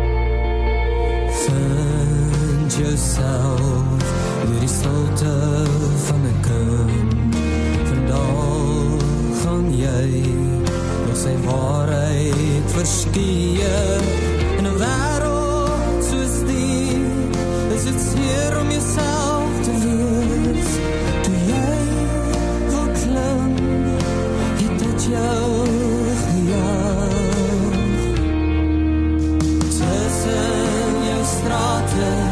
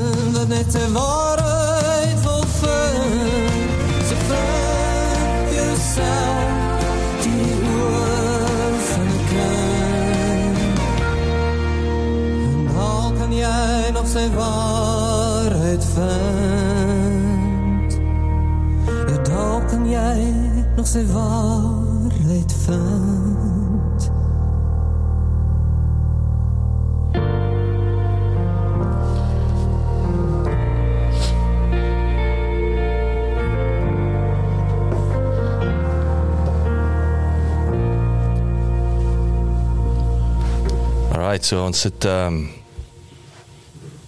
ons het nog koffie op pad. Dis goeie nuus. Nie vir jou nie. Ek En ek, spoor en ek is ek dink nie daar's koffie in daai. Dis daar is polisie kom. Ek dink nie dis regte koffie daai nie. My eie fles. My eie flash saamgebring. Maar hy dekker. Mm. Praat regs met my. Maar met 'n linkerrak. Met 'n linkerhand Handelsreg. handelsreg. Alles is reg altyd reg. Nou, was ek so. Len Dagger. Dit was pas op 'n plagiaat nee. Ek Ja, ek neem aan daai reg tune. nie. Ja. Alles loop reg, miskien altyd reg. ja of handelreg of dis handelsreg. ja, so handelreg of dis handelsreg. So ehm um, bietjie net vandag praat oor die veld van governance, corporate governance. Ek, wil vra wat is governance, maar dis ek ek bang dit gewoon ons in die verkeerde rigting. Ek wil weer vra wie van julle weet wat's die Afrikaanse woord vir corporate governance of governance actually nie. Nee, maar ek het dit nie geweet tot baie onlangs nie dat en dit verduidelik eintlik baie baie goed wat dit is. Regeerkunde. Nee. Nee, 'n ander woord, 'n ander manier om governance te verduidelik is who gets to decide what? Wie besluit wat? Maar dis die probleem in Afrikaans. Ek luister nou net regeerkunde. Die regering het governance verkeerd van want daar's 'n manier hoe hulle 'n kunde ontwikkel om te regeer wat nie inpas by corporate governance nie. Ja, dis nie good governance. ja. dit ja, dit is daar's Dis al gedraai. Dan is dit nie regeer sleg. maar dan is dit regeer onkunde. Ek weet Ah. nie of wat. Ja, wel, maar dit is waar. Jy ja, kan nee, regeer, jy kan is altyd sê help nie hardloop vinnig in die verkeerde rigting nie. Ja, ja. So. Ja, hulle uh, ons ons sal daarby kom want dit gaan oor gaming the system. Jy weet mense wat juis die stelsel hack en abuse en so aanwend. Dis dis regtig waantoe dit gaan so Ek gaan die vrymoedigheid vat en vir julle 'n paar verse lees uit die message vertaling van die Companies Act. Ek weet nie of julle geweet Dis het sê ek 'n paar verse. Ek dink hy message Bible. Ek dink ek gaan 'n Bybel vers. komperatiewe Bybel. Dit klink nou so. Hierdie is 'n uh, bietjie die Companies Act en dan so 'n bietjie van die PFMA, die Public Finance Management Act beginsels. Okay, so oor fiduciêre verpligtinge. Ons 'n bietjie praat oor wat is dit? Ja, Fiduciary. fiduciary duties is is die meer algemene term. Okay. So dit gaan also oor fiduciary duties vir fiduciêre verpligtinge. Dit is die weefstof van enige mandaat organisasie en by implikasie die strukture van ons samelewing want dit is in organisasies en in mandate. Dit gaan oor die verantwoordelikheid wat 'n persoon in vertroue teenoor 'n organisasie het of teenoor 'n ander persoon wat ook 'n regspersoon kan wees. So dis om in goeie trou op te tree en vir die regte doel om in die beste belang van die ander persoon op te tree, om verantwoordelik en verantwoordbaar te wees, om inligting en geleenthede wat vir die ander bedoel is, nie vir jouself of enigiemand anders as die bedoelde persoon te gebruik nie. Om persoonlike botsende belange te verklaar, selfs 'n moontlike botsing of iets wat soos 'n botsing van belange kan voorkom te verklaar. Om nie grof nalatig en roekeloos met 'n ander se belange te wees nie om nie moetswillig aan 'n ander skade te berokken of verliese te veroorsaak nie. Om nie sonder die nodige goedkeuring of magtiging op te tree nie, vertroue te breek of wesenlik teenstrydig met die verpligtinge of rol van jou amptfunksie of posisie op te tree nie. Om nie misleidend of bedrieglik tot nadeel van die organisasie, sy werknemers of krediteure of terwyl belanghebbendes op te tree nie om toe te sien dat finansies en bates van die organisasie word beskerm en dat groot risiko's binne vermoë aangespreek word om belangrike probleme en bedreigings behoorlik te verklaar en toe te sien dat daar behoorlik aan wette voldoen en uiteindelik die nodige verslag gedoen word. Is dit vir 'n job dis? Kan ek nou sê I do? Ek doen. Maar nee maar daai dit is die I do van om byvoorbeeld 'n direkteur of 'n trustee te wees of enige mandaat te aanvaar. Maar ek dink as jy daai alles opsom, dan is dit maar Hennies se eerste reël. Moenie 'n poepel wees Moenie nie. 'n poepel wees nie. Maar daai is vir my is vir my mooi. Hm? Ek, ek ek weet nie dit is vir my dis vir my so treffend. Maar maar wat vir my interessant is wat ek nou eintlik toe jy nou sê I do. Eintlik moet dit wees as vir enige wat dit op 'n direkteursvlak as jy op 'n direkteur op 'n maatskappy moet jy dalk deur so uitgaan om te sê maar verstaan jy wat dit dit eintlik beteken? Ja, jy lees, ek wil sê jy lees sommer hierso. Hier's Ja. jou vows. Dis jou Wel, vows. jy wat moet dit lees en jy moet dit kan terug en sê weet I do, ek verstaan. Sure. Ja, nie net ek het geteken, nie net ek het Ek het geteken nie. ek weet, scroll af en accept Ja. the terms and conditions nie. Ja, ja, ja. Ek het dit deurgelees en ek stem saam. Sjoe, ek ek Nee? hou baie daarvan. Ja, dis treffend. Dit is dit is dit so ehm um, wat is 'n fiduciêre verpligting? Dit is fidu kom van soos die woord trou, vertroue, getrou, ontrou, 'n bona fide, mala fide, fide. Dit is daai eh, kwessie van trou. Dit is 'n morele of 'n etiese verpligting wat teenoor 'n organisasie is. Maar hoekom? want organisasies is in die hande van mense. Mm. Daar al 'n organisasie kan 'n aparte entiteit wees en dit sy eie regte en verpligtinge, sy eie boedel kan uh skuld en bates hê, maar kan nie self optree nie. Dis altyd in die hande van mense en die fiduciêre verpligting is daai onsigbare band tussen die ethos van ons samelewing wat sê hierso's die dik strepe aan die kant van die pad waar tussen ons moet ry. En uh laat ons weet wanneer gaan jy uit jou baan uit en wanneer is jy in die verkeerde baan.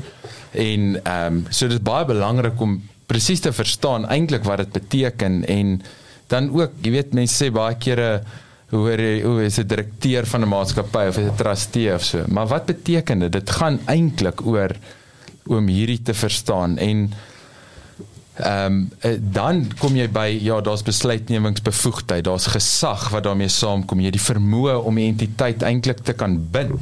Jy kan ehm um, verpligtinge aangaan en aanspreeklike aanspreeklikhede opdoen, ekskuus. So dit is dit is 'n mooi ding wat daar is want dit laat toe dat mense verby net hulle self kan gaan. Nou kan jy 'n aparte persoon stig en jy kan binne dit 'n struktuur opstel. Dit is hoekom mense wat biljoenêers is, nie employees van hulle eie companies is nie. Hulle is dalk op die board of hulle is non-executives. Maar hulle kom een keer elke 3 maande na 'n meeting toe. Daar's 'n behoorlike struktuur van hoe almal verslag doen. Hoor dit, gee insette, volgende keer kom terug. Fine tune die ding. Daar's groot besluite wat geneem word om daai tafel.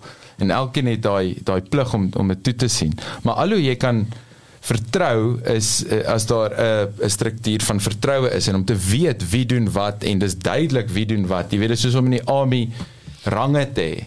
En hierdie een sê vir daai en wat om te doen en daai een sê nie vir daai en wat om te doen nie.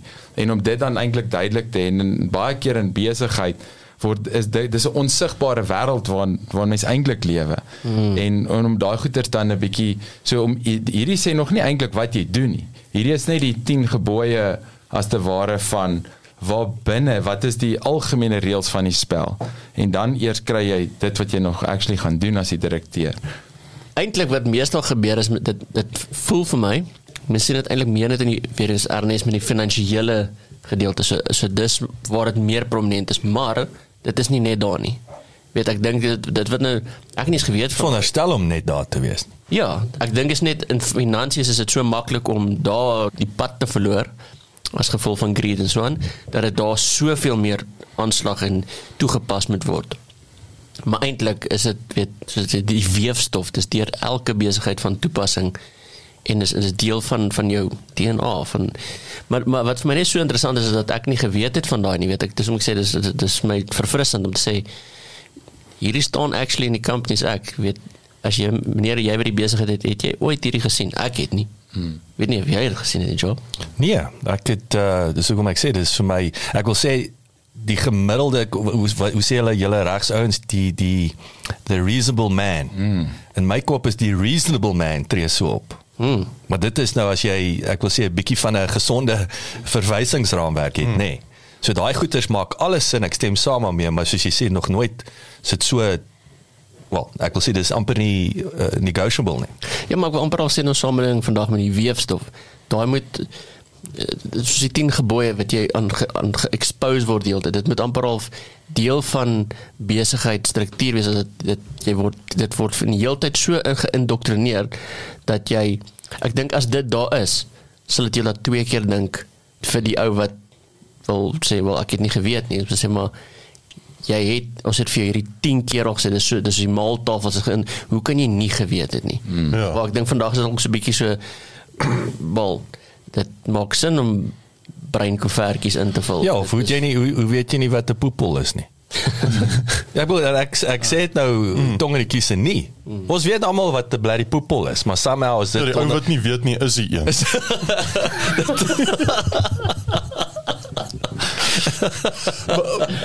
opgesom. Maar ek dink ek is baie bly en is 'n baie positiewe ding dat dit so maklik is om 'n maatskappy of 'n PTY oop te maak en die direkteur daarvan te wees. En dis 'n goeie ding vir ons ekonomie dat dit so maklik is, maar dalk moet daar so ekstra stappie wees wat net sê jy moet net hierdie aanlyn eksamentjie deurkom. Wel, ons is soos 'n drywerslisensie, jy weet, K53, Ja. miskien moet ons dit die 'n monkey 'n monkey puzzle. 'n B53 doen, weet, besigheids 53. Ja, dat jy net hierdie goed van weet at least. Ja, dit ja, dit baie daarvan. want want hierdie waarvan ons 50 en 'n praat het 'n upside en 'n downside. Daar's dit kan goed gaan of dit kan sleg gaan. Want dit gaan juist daaroor dat die mag ten opsigte van iets in iemand anders se hande geplaas word. En nou is die vraag, okay, waaroor stem ons saam? Wat moet so 'n persoon doen en nie doen nie? Nou dit is waaroor hierdie gaan. Nou ehm um, so jy uh, direkteure van of trustees is bevoeg hopelik nê nee, bevoeg proaktief eerlik hardwerkend of nie. Dis soos als jy, jy kan die goeie goed doen en dit word nie altyd raak gesien nie maar as dit sleg gaan is dit moerse opwees. En dit is baie kere waar die goed wat uitstaan die skandale die korporatiewe wel dis nie net besigheid nie, dis dieselfde in politiek. Daai storie van Britney Spears se pa is ook hy het 'n mandaat gekry dit on wel ek gaan nou nie in die detail gaan nou maak of ek weet nie maar of ek 'n Britney fan is nie ek gaan myself nie pas nie so nie. maar Beat me. te laat. It, it baby. Oops, you did it again. dit maar net daar gegaan dat die pa het oor sy eie dogter 'n uh, power of attorney gekry wat basically al haar volwasse besluitnemingsbevoegdheid in sy hande gesit het en dit in 'n oppressive and prejudicial manier uitgevoer het. Ja, post En haar- 21. Ja, ja, dit is hoe Nee, oud dis- jou ja, dis- dis sy is eintlik die getroud tragedie. 'n Ja, post so. 21, ja. En ehm um, ja, en uh, so daai is dit daar's ook 'n fiduciary duty, is maar net 'n mandaat. So uh, ook korrupsie, jy weet, dit is dit is die antithesis, wat is die antithesis in Afrikaans? Wat ook al die uh, teenoorgestelde van maar meer as die die essensiële teenoorgestelde van die fiduciary duty is eintlik korrupsie, want dit is selfverryking. Hmm. Dis waar dit gaan. Dit is moet eintlik oor die organisasie gaan en om daai rol wat mens speel ten opsigte van iemand anders of die organisasie te onderskei van jou eie belange. En korrupsie is juis dit. Is die heeltyd die vraag wat kry ek? Wat kry ek? Wat kry ek? Hoe word ek hierdeur bevoordeel? Hmm. en daai is afstootlik. Dit is wat wat maak dat dit jy weet eh, ek dink aan aan wat is dit? Misbruik diefstal selfverryking verskansing onderduimsheid daai tipe goed. En gelukkig nou hierdie selfe boekie van reëls waar hierdie vandaan kom is duidelik oor okay, goed, daar's ergens 'n donker lyn wat getrek word van om oor dit te trap en en en degrees, jy weet, grade extents van om met dit te wees of oor te wees tot op die punt waar iemand wat as 'n direkteur uh, aangestel word met die volle verantwoordelikheid daarvoor aanvaar. Dat daar's wel gewoonlik 'n uh, bietjie van 'n oorweging wat sê daar's die objektiewe reëls, maar daar's ook 'n subjektiewe reël. Wat verwag mens van iemand van daai persoon se vlak van opleiding en kundigheid en so aan ten opsigte van die spesifieke kwessie voor jy net kan sê dis okay nie okay nie is nie net 'n objektiewe ding nie want obviously mense is is baie um, uiteenlopend hmm. maar tog jy weet to- op 'n sekere punt raak dit so dat mense kan delinquent verklaar word as direkteur of 'n misdadige prokureur. Ag, wat sê ek prokureur? Uh, van die rol Ja ja, misdadigers prokureur, selfe ding. dit is 'n uh, uh, die prokureur wat die ding sal gaan uh, na die hof toe moet vat en dan moet sê goed, jy, want dit kan natuurlik met 'n prokureur ook gebeur en so. Piet. Goed. So dan wat dan gebeur as daar wanneer iemand dan so 'n verklaring oor hulle kry is dat hulle nie net verwyder word as 'n direkteur nie, maar eintlik weet nie wat 'n ander woord nie, maar ek noem dit maar kommersiële kastrasie van jy Wat dit is omtrent wat gebeur. Hulle maak seker dat 'n persoon nooit weer in die algemene kommersiële handel mag daai tipe verantwoordelikhede vat. Dit is 'n baie erge graad, maar dit gebeur nie sommer net nie, maar dit is hoe belangrik dit is om tog te weet wat uh, wat behels hierdie goed en dat jy uiteindelik dan gediskwalifiseer kan word. Maar ja, so ek sê 'n prokureur moet help om dit na die hof toe te vat en die hof moet 'n bevel uitgee, maar dit weet baie keer is mense stak in 'n situasie waar uh, is baie keer dit gebeur. Dan sê ons partners maar hierdie ou wil nie die finansiële state goedkeur nie wil nie die bankstate vir my wys nie wil nie die dit nie jy weet of of het het hierdie klomp besigheid uh, ergens anders heen gechannel. Dit was ons hoofbesigheid of sulke goeders en dan is daar darm bietjie weens hierdie raamwerk is daar dan ook dan beskermingsmeganismes en dis ook met in die wet voorgeskryf word dat dit actually krag het ja So ja, so dis die dark side, maar ek dink die mooi kant van dit is is nie vasgevang in die reëls en jy het eintlik baie mooi daar daarin geraak dat dit gaan oor die gees van die reëls. So Bruce Lee het gesê, if I point to the moon, don't look at my finger, look at the moon. En so dit gaan hierso oor lojaliteit en toewyding tot iets anders as net myself en om daai om dit in te sien. Ek dink so omdat ons ons het 'n SME fokus. Mm. En en ek dink dit is 'n weet in 'n korporatiewe omgewing is dit super duidelik. Die company, die employee en jy werk vir die company. Die company is 'n ander ding. Maar met SMEs is dit 'n baie tipiese ding. Dis die amper die default posisie is dat die enigste rede so jy sê is maklik om 'n company te gaan registreer maar dis net so maklik om uh, as jy half alleen in beheer daarvan is nie by enige reëls te stiek nie want who cares? Maar sodra dit nou 'n 'n partytjie en 'n board en 'n teen daai word met bietjie een of twee of drie layers aan dit dan raak dit uiteindelik uh, baie belangrik om dan die organisasie of iets groter jy weet as myself te ag en byvoorbeeld te ware diensbaar dan te wees teenoor die organisasie so ja, dis dis fiduciêre verpligtinge of fiduciary duties en ja, ek hoop is leersaam. So. Dit was definitief. Baie interessant en ek wil ek wil op ehm um, net op 'n seker nou nie 'n positiewe noot nie, maar ek net weer gisterand die Afrikaner in sy verrigtinge. En daardeur beteken dit jy nou praat van daai board, weet uh, verantwoordelikheid teenoor mense, dit beteken nie death by meeting nie. Mm. Dat dit 'n uh, donder se okasie raak nie, nê. En ek dink dis die, dis die ander ding, maar dis wat ek dink baie Afrikaners, hy dit hoor en dink hy o, aarde, ons gaan nou vir 2 dae hierso sit, nê. Nee, mm. Dit dit dit is nie so eintlik glad nie, glad nie nee. dit nie. Mm -mm. Glad nie dit nie. So Dit dis deel van die weefstof dit weet dit moet in die DNA dit, dit gebeur as deel van die operasionele manier hoe jy besigheid doen. net soos ons na die finans soos jy regtelik sê, net soos ons na die uh, uh die numbers kyk.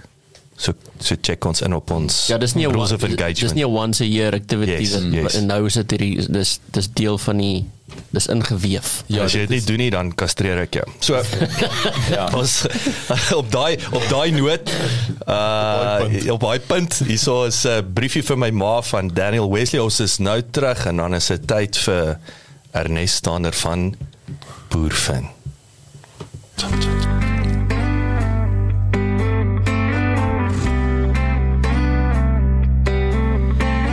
luister vir my as ek van binne skree. Sy weet wanneer is my ja eintlik nie. Sy sal agter my staan. Maak nie saak waar die ek gaan. Sy sal die reendruppels terug in die wolke gaan tap.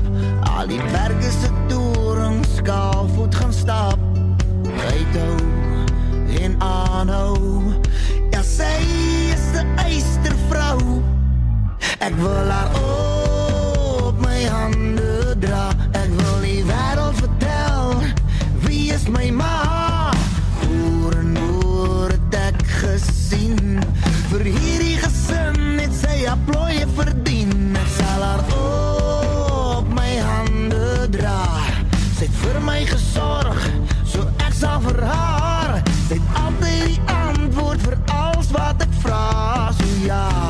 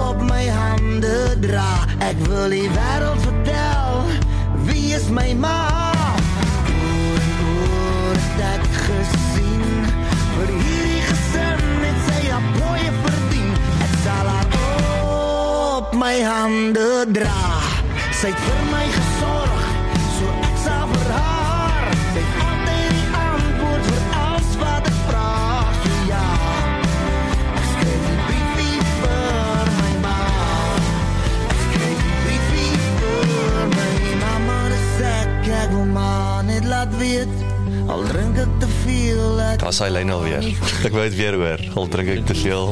Het ek maar nooit vergeet. Dit klink as mense daarvan. Dronk verdriet. Maar dit kan seker vir jou vrou. Ek sal drink. Al drink ek te veel. Ek het jou nooit vergeet. Wat jy met jou naam is. Ja, ek ek het altyd 'n drinknaam gehad want ek my eie naam vergeet het. Dus. ek kan ook dis Kyk as jy jou drinknaam vergeet dan weet jy jy het die lyn oorskry. Ek weet dat dit nie my naam wat ek weggooi nie. ja, maar die snaakse ding is hulle sê, "Hey Frikkie." Frikkie. Dan daai is my naam. Ja, bes. Nommer 2. Ernest. Yes, yes. Kom ons doen hom. Uh vandag gaan ons bietjie gesels oor die B van die MBA. Ek dink is B vir die blou visie grappie. Nee, ek het uh, die die blou vrug visie grappie vergeet wat ek laasweek wou vertel het.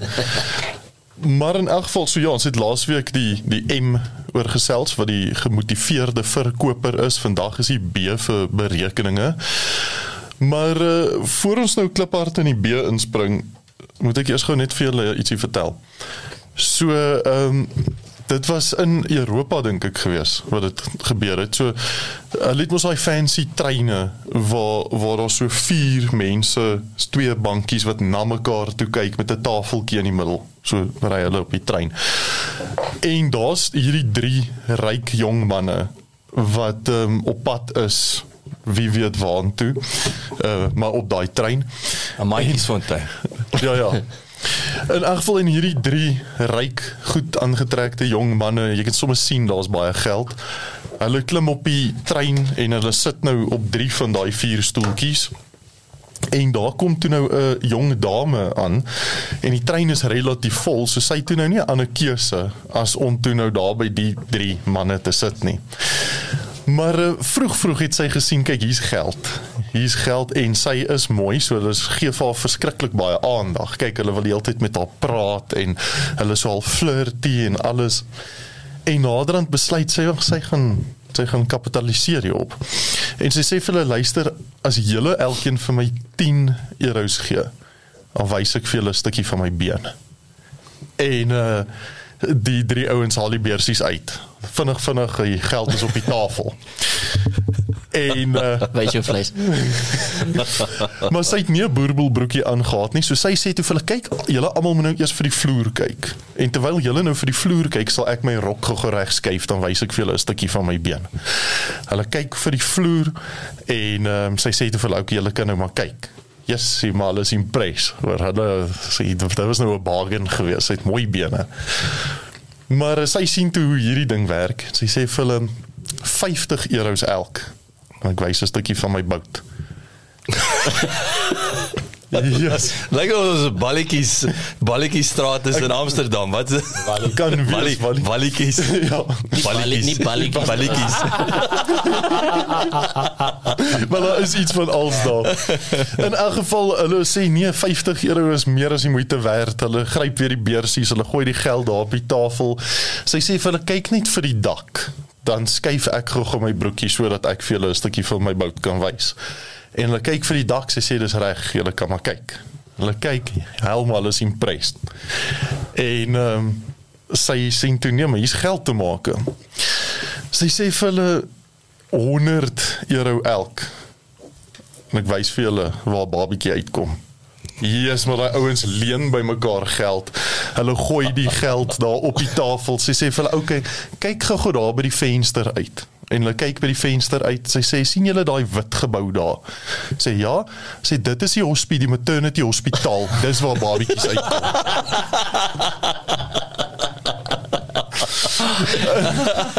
Kaching. Baie dankie sê sy toe nou en sy vat sy vat Ek moet daai ek moet hom inkry. also well done for. Well done for. Is 'n stripper met potensiaal. Slim stripper. In elk geval sy het toe nou die geld en sy sy's toe nou daar weg. So die die rede waarom ek dan nou die storieetjie vir vandag vertel het is die B van die MBA gaan nou vir berekeninge of oorberekeninge. Ek tog is been en bout. Dit kon wees net so wel. Maar um, En babas. die Die drie weer. Drie weer. die drie jong manne het nie 'n uh, berekende investment gemaak nie. Hulle het laat ego intree, hulle het 'n emosionele besluit gemaak om hulle geld te belê. Hulle het nie 'n goed deurdagte belegging gemaak daai dag nie en hulle het die prys daarvoor betaal.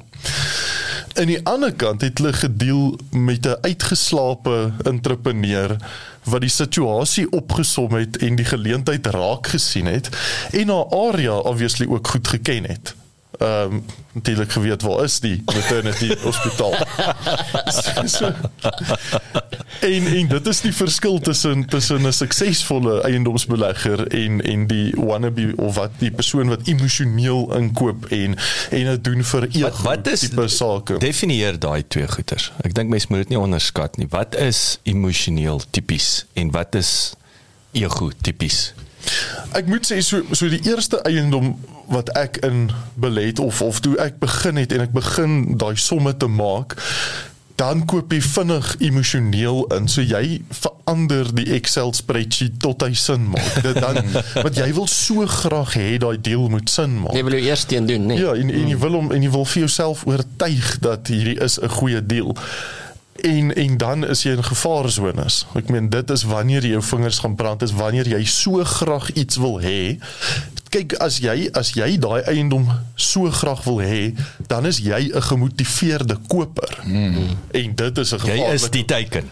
Ja, ja, jy jy is so, dan nie so die groot wat ek gesien het baie dis as jy nou praat van dit is moenie die huis koop asof jy dit jy dit vir jouself koop nie. Ek dink dis belangrik daar want daar's sekere fasette wat jy kyk na huis wat vir jou belangrik is. En baie keer is dit dink jy, jy maak nie sommetjies soos jy's hierdie sal 'n nice huis wees. Mm. En ek ek dink baie daai is die eerste ding is van van as jy belegger is, kyk jy anders na die na die beleggingskomponent as wanneer jy dit vir jouself doen. Ja, so ja, jy moet definitief die emosie daar uithaal. So jy, jy gaan nie 'n beleggingshuis koop en oor die kombuis wat nie perfek uitgelê is, moan soos asof dit jou eie huis is waar waar jy bly nie. So so dis baie nodig om jouself te kan check. Jy jy moet sekere checkpoints hê om te kan sien is ek in die regte pad uh, rigting op pad. En dit is waaroor ek ver oggend dan nou 'n bietjie wil gesels is 'n paar van daai checkpoints. Nou die eerste daar daar's vyf goedjies wat ek dink belangrik is om om te doen en en jouself op 'n bietjie te check. Die die eerste ene is wel jy moet besluit natuurlik in watter prysklas kyk jy voor jy enigstens begin eiendom te kyk, moet jy nou wel weet. Dit help nie jy kry 'n gemotiveerde verkoper in Mooikloof of of Groenpunt nie. Ek meen jy kort jy, jy moet besluit watse prysklas gaan jy inbelê en en dan stiek jy min of meer daarmee. Dit maak jou al klaar 'n professioneler eiendomsbelegger as Professioneler. professionele meer professionele hoe ook al daai ehm belegger as jy klaar net ten minste al weet waarvoor jy soek dan die tweede ding is om te weet wat se area en daai twee moet natuurlik met mekaar praat die prysklas en en die area. Nou 'n goeie tip wat ek vir mense het as jy nou besluit het in jy wil in hierdie spesifieke area belê is dit goed om in daai area jou jou uh, gevestigde eiendomsagente te leer ken en potensieel 'n uh, 'n map, 'n kaart van daai padkaart van daai area uit te print en na 'n uh, uh, beleggers al ag na na die agente toe te gaan en sê watse areas binne hierdie area moet ek voor pas op. Hmm. Wat is die een waar die groot pad gaan deurkom of Watter kant van die treinspoor kyk ek na? Ja, wat se daai vletjie wat oop is, gaan hulle uh, mooi huise daar bou en of gaan dit dalk 'n lokasie word. Daai tipe goed is dat jy dat jy uh, baie dat jou area ken en en weet wat daar so aangaan. Dan eh, nou weet ons in watse prysklas ons wil belê, ons weet in watse area ons wil belê, ons weet watse stukkies van daai area wil ons nie in belê nie. En dan is dit dan die volgende stap, Marie. Ja, dalk 'n tip wat ek nie dink almal weet nie is ehm um, uh weet die professie van dorpsbeplanners, town planners. Ehm mm um, is is die mense wat die beste weet, nie die estate agents nie. Dit is die town planners. Mm. En elke area het sy town planners. So dis die mense wat hersonerings doen. As jy 'n huis wil kantore vir kantore gebruik kort jy hersonering. As jy wil 'n uh, plaasgrond in erwe wil omsit uh, met jy dorp stig en so voort. So die die dorpsbeplanners is daai mense wat daai goeders doen tussen die kliënt, die ontwikkelaar, die eiendoms eienaar en die munisipaliteit. Mm. En en hulle verstaan dat elke munisipaliteit het langtermyn en mediumtermyn planne en het sekere areas geoogmerk en weet klaar jare vooruit waar gaan die paaie wees en watse kleursone gaan wat in verander, jy weet sulke goed. So is hmm. dalk net ook 'n goeie ding om te weet om Absoluut, daar te ja, gaan netwerk. 'n Voorbeeld daarvan is is een van eh, die eiendomme wat ek het is so in Garsfontein. So dit is nou jare terug was dit net Plothol Trent en nou is dit erwe, maar nou het Menlyn myn oopgemaak amper reg, reg oor die pad van Garsfontein area. So daai het nou 'n high density ehm um, area geword vir residensiële doeleindes. So ek mag nou sou ek ooit daar wou bou, kan ek hoër bou as wat jy in 'n ander area kan bou oordat daar 'n tekort aan aan blyplekke in daai area is. So dit is die tipe goed wat jy wil weet van van jou area. Dan nou nou het ons uh, besluit dit is Garsfontein byvoorbeeld of wat ook al is ons area, ons het gesien wat wil ons daar waar wil ons wees, waar wil ons nie wees in die area nie. Ons het ons prysklas. Nou wil ons begin te kyk uh, sê maar ek kry nou 'n eiendom in daai area. Nou kom die berekeninge gedeelte in. Ek kan nie 'n uh, 'n uh, um onder markwaarde aanbod maak as ek nie weet wat is die markwaarde nie. Mm. So nou moet ek gaan uitvind wat is die markwaarde van hierdie spesifieke eiendom. So die eerste tool wat ek daar altyd sal gebruik is dan Property 24 min mense weet dit maar Property24 is nie net 'n platform om huise op te verkoop nie maar jy kan ook gaan kyk waarvoor het 'n huis die vorige keer verkoop. Dis altyd daar aan die onderkant, né? Nee. Ja ja, ek dink is uh, regs bo sal so sold uh um, ja, wat die straatadres of seller ja, hierdie huis het vir dit verkoop, dit verkoop. Presies. So, so jy koop jy koop 'n area report wat sê waarvoor hierdie huis Nee nee, wag, dit is dis nou nog 'n stapie verder. Hierdie hierdie is nog gratis, dis direk op Ja, is in die- property is in die 24. onderkant, yes. So jy klik daar op sold prices in jou a- in die area wat jy select en jy kan soos in daai hele straat gaan kyk elke liewe huis waarvoor het hy die Hmm. vorige keer wat hy verkoop was, waarvoor het hy verkoop. So hulle kry uh, daai inligting dan direk van die akte kantoor af en en jy kan sien selfs wie is die eienaar van daai eiendom. Ja, en, en dis belangrik om te weet dat die definisie van markwaarde tipies mense kry verskillende benaderings hoe om markwaarde te bepaal en vir verskillende kontekste en tipe eiendom en goed, maar vir ehm um, residensieel is tipies die algemene aanslag is comparable sales. Yes. En so dis actually die data wat jy sou gebruik en jy moet dan nou net mooi onderskei wat is die verskil tussen die 1.5 en die 1.1 en die mm. 800 en wat was die konteks was daai 'n desperate sale en desperate wat ook al so Ja, ja, so maar primêre data waarna jy gaan kyk. Maar ja, veral as jy nou op 'n area fokus, dan kan jy nou lekker diep delf in daai area. Jy kan gaan straat vir straat kyk. En die 800 was dalk net 'n straat weg van die 1.2 af met dieselfde specs amper. Waarom daai verskil? Maar nou kan jy half gaan kyk jy het nou jou eiendom geïdentifiseer wat jy potensieel wil koop. Jy kan gaan kyk waarvoor het hy voorheen verkoop. Nou dit help nie. Jy sien nou hy het in 1998 verkoop vir 124000 rand nê? Want dalk was dit nog net die erf. Ja dit was of net die erf of dit was wat die huis toe gekos het maar Dit maar net obviously 1997. Ja, ons ons belê juis in property omdat dit so vinnig groei en altyd gaan aanhou groei. So dan begin jy nou te kyk, okay, die buurman het hy onlangs verkoop en en so kry jy 'n baie goeie gevoel van die area se pryse en en wat die markwaarde van daai potensiële eiendom dan nou kan wees. So dis die eerste boksie wat ek altyd voorstel. Mense gaan mense gaan doen dit en dit gaan vir jou 'n goeie idee gee wat markwaarde is sodat jy 'n ondermarkwaarde aanbod op so 'n eiendom kan maak. Dan die volgende stapie, dit is waar waar uh, um Devil nou gepraat het van die report. So jy kan op Property 24 self 'n report koop. Dis gewoonlik is nie is R100 gewoonlik nie wat jy koop vir 'n vol report op daai spesifieke eiendom. Of ek gebruik gewoonlik Lightstone Properties wat vir jou 'n baie goeie indikasie ook gee van al die skole in die area, die winkelkomplekse in die area, alles wat waarde toevoeg tot daai eiendom. En hy gee ook dan vir jou gewoonlik 'n so half 'n best case en worst case scenario van wat daai huis werd is. So jy kan nou self kyk, die plek lyk mooi, hy's nie uitgeverf, die dak lek nie. Dan dan kan mens dalk bietjie nader na die best case kyk. Maar as 'n belegger sou jou strategie wees om te herverkoop, dan gaan mens ver van daai boonste prys af moet koop om om bietjie vet in te bou en dit is waarom ons met gemotiveerde verkopers werk en nie gemotiveerde kopers moet wees nie. Die volgende as jy nou die Lightstone dokument getrek het, jy het al daai inligting wat jy nou kan opmix of opmeet teen die Property 24 inligting, so jy het nou al op twee plekke 'n indikasie gekry van 'n spesifieke eiendom se waarde. Die derde een is ek gaan dan terug na die eiendomsagente in die area toe en ek sal tipiese eiendomsagent bel. Ek sal dalk 'n fiktiewe eiendom skep amper of ek sal sê hierdie is die eiendom wat ek potensieel wil verkoop. So ek sal eerder maak of ek klaar die eienaar van daai eiendom is. En sê luister, as ek hierdie eiendom môre wil verkoop. Hy moenie 6 maande op die mark wees nie.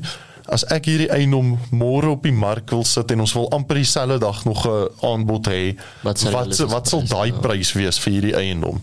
En dan dit doen ek ook nou nie met een agent nie. Ek toets dan nou nog so 3 agente met daai strategie. Dan sit jy nou met goeie data. Dan dan is dit baie moeiliker om emosie uh sy gap te gee om om 'n stupid besluit te maak. Mm. En dan Net nie die agent eh, bel wat hom gelys het nie. Ja. die ding is jy moet hom kry waar die agent hom nie gelys het nie. Jy moet voor die agent in die in die fight kom. Hmm. As jy mens kan mos boondiep kan jy basiese inligting, publieke inligting oor eiendomme trek. En daarbinne is daar ander twee clues ook wat nogals handig kan wees. Dit sê vir jou wanneer is die eiendom gekoop teen watter prys? En dit sê vir jou ook wat se verband is geregistreer teen die eiendom hmm. en wanneer. Ja. So mense kan gewoonlik daai ook 'n goeie idee kry as jy daar is dit relevant om te sien 1997 124000 nou verkoop die ding vir 800. Daar's 'n in in 2004 was daar 200 000 rand bond geregistreer. Mm. En dit is lank terug. So uh, mense kan aanneem hy sal redelik gedelg of uh, me, ten meeste tot op daai balans getrek sodat as jy nou na iemand toe gaan, jy weet luister ek weet die plek is technically whatever werd. Maar ek weet hierdie persoon het skuld nie meer nie en hulle het dit gekoop vir ja. net daai. So eintlik enigiets wat hulle nou op dit maak is waarskynlik meer van 'n bargain as iemand wat dit 3 jaar terug gekoop het vir meer. Nou weet jy gaan dit 'n moeilike Hy moet hy moet die hy moet die hy moet die ehm um, ja, die Verband. hy moet die verband cover. Mm, nee, Ja. hy hy kan nie hy kan nie laer gaan Ja. as 'n sekere prys. Ja, en jy sien baie keer ook dat daar 'n tweede verband later van jare geregistreer was. Jy weet daai ou was toe ook al in die moeilikheid of of het geld nodig gehad. So daar's baie clues in daai dokumente wat mens kan gebruik. So die belangrike ding is ek dink ek wil gou 'n ander gevalle studie vinnig deel, maar voor ek by die gevalle studie uitkom, wil ek net hierdie half amper uh, bymekaar vat is jy het nou hierdie 3 of 4 verskillende tools gebruik om 'n markwaarde te kry. Nou sit jy dit alles bymekaar en dit gaan vir jou 'n goeie indikasie gee van wat markwaarde is en waarvoor daai eiendom kan uitverhuur as jy hom uit wil uitverhuur of weer herverkoop as jy hom wil herverkoop. Dan die laaste tool wat jy moet gebruik is common sense. En dit is die een wat baie mense nie in ag neem nie. So Die wat nie so en- common is. Ja, en en, en Excel het hom ook nie. maar, um, maar maar op die ou einde moet mens regtig net alles in ag neem en probeer om so so nugter as moontlik te gaan sit en dink uh, is hierdie voel alles regtig reg en en jy moet daai trust.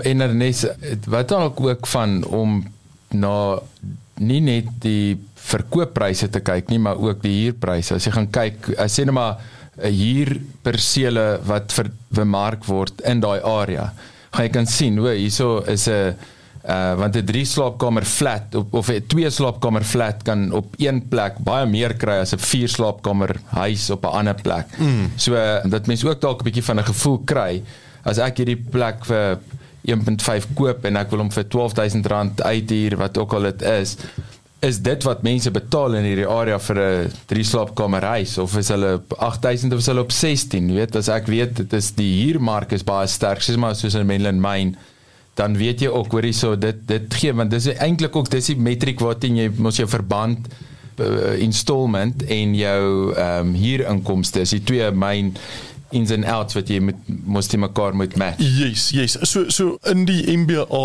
in eiendomsbelegging setup het ons al 'n paar calculators daarom ook gebou al wat tipies hierdie goeders in ag neem wat elke liewe uitgawe in ag neem maar die een ding wat die calculator nie kan doen nie is om seker te maak dat jy hom nie bullshit met verkeerde inligting nie. So hy skop net vir jou uit dit wat jy insit, maar mens moet daai goeters gaan 2 keer, 3 keer, 4 keer cross reference en kyk dat jy dat jy akkurate en effens konservatiewe data insit. Ja, en kyk soos jy gesê het, jy jy kan nie Excel maak vir jou storie vertel nie. Ja. As jy gemotiveer as jy kan die regte nommertjies. Mm. En, en, en dan is jy soos besig ook jy sê ek wil hierdie ding moet gemaak is soos maak jy 'n gewone koffie so vir R30 verkoop, maar ek dink myne gaan R40 al en, mm. en dan sê jy dan skop realiteite, nê. Nee. Ja, dan is jy soos die drie ouens op die trein. Jy maak jy maak stupid beleggingsbesluite oor dat jy uh, emosioneel inge hulle was gemotiveerde koekeloerders en uh, dit het nie vir hulle goed uitgewerk nie. en um, goed dan dan so vinnige gevalle studie. Ek ek sien ons nie meer baie tyd nie, maar Dis alright. Maar ehm um, dit is dit is ook net om te wys dat eh, dinge is nie altyd en dit is wat ek hou van eiendomsbeleggings. eh, Daar is nie 'n regte manier om dit te doen nie. Dit is 'n baie flexible investment uh, metode. Daar's baie spasie vir kreatiwiteit en en om deals te customize tot dit perfek werk vir jou. En dit pas nou in by wat Marie ook gesê het van as jy weet wat daai persoon se uitstaande verband is, dan gee dit jou meer opsies mm. en, en meer negotiation power. So 'n uh, belegger, 'n uh, eiendoms baie ervare eiendomsbelegger wat ek baie goed ken, het vir my hierdie storie vertel. So hy het 'n plot gekoop eh, wat 'n um, daar in die Oosrand. 'n Plot gekoop die plot wou hy onderverdeel het want daar was klaar 'n huis op die een kant so hy wou hom onderverdeel het en nog woonstelle aan die ander kant gebou het. Maar jy moet toestemming nou by al jou bure kry voor jy die plot kan onderverdeel. So hy stap toe nou een middag na al die bure toe om uit te gaan vind of is dit oukei okay met hulle skriftelik gou toestemming kry toe sien hy reg oor die pad van van sy eiendom is daar gaan klop aan die deur daar's 'n ou ou tannie wat toe nou in die huis bly. Groot erf groot ou huis. Die huis is nou al bietjie verwaarloos. En hy begin toe nou met die tannie te gesels want dit is wat eiendombeleggers doen. As jy gesels met die mense jy wil die storie hoor en verstaan. Hmm. Hy kom toe agter dat die tannie niks familie regtig in die land meer oor nie. Haar krag is al vir jare lank afgesny, so sy het nou maar gas en kersse daar in die huis waarmee sy nou werk. En dan het sy nou haar SASSA geld wat sy nou in die tou gaan staan een keer 'n maand om te kry. Maar die huis is afbetaal. So so hulle kan nie haar huis by haar wegvat nie, maar hy is daarom afbetaal en sy het nie enige skuld nie, maar sy het ook nie enige geld nie. Die belegger gaan doen toe sy berekeninge en sien dat hierdie die markwaarde min of meer vir daai eiendom is omtrent so in die omgewing van 750 000 rand. Hy maak toe 'n aanbod vir die tannie. Hy sê ek koop hierdie eiendom by jou vir 250 000 rand. Nou daai klink soos uitbuitery. Baie. Behalwe ek bou vir jou 'n woonstel agter in hierdie erf mm.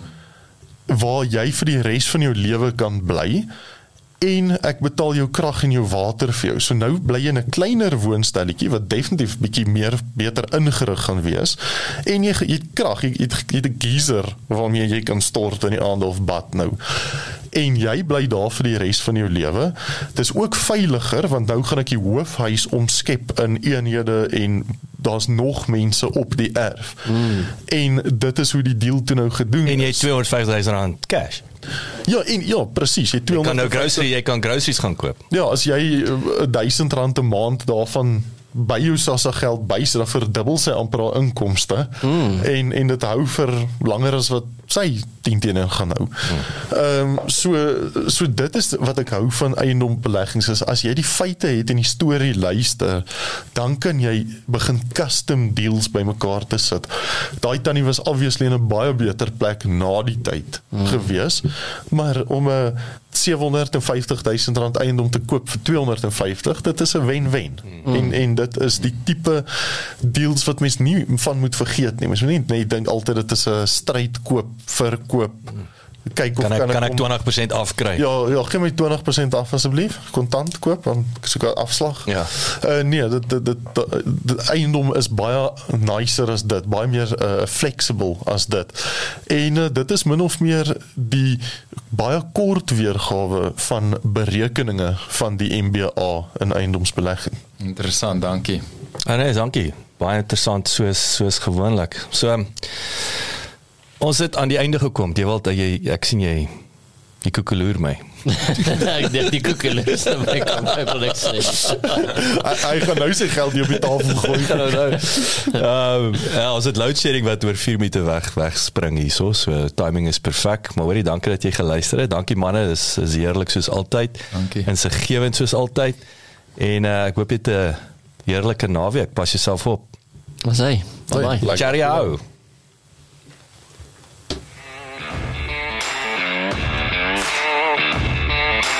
Dankie dat jy geluister het. Besoek asseblief ons webwerf by www.klipkouers.com.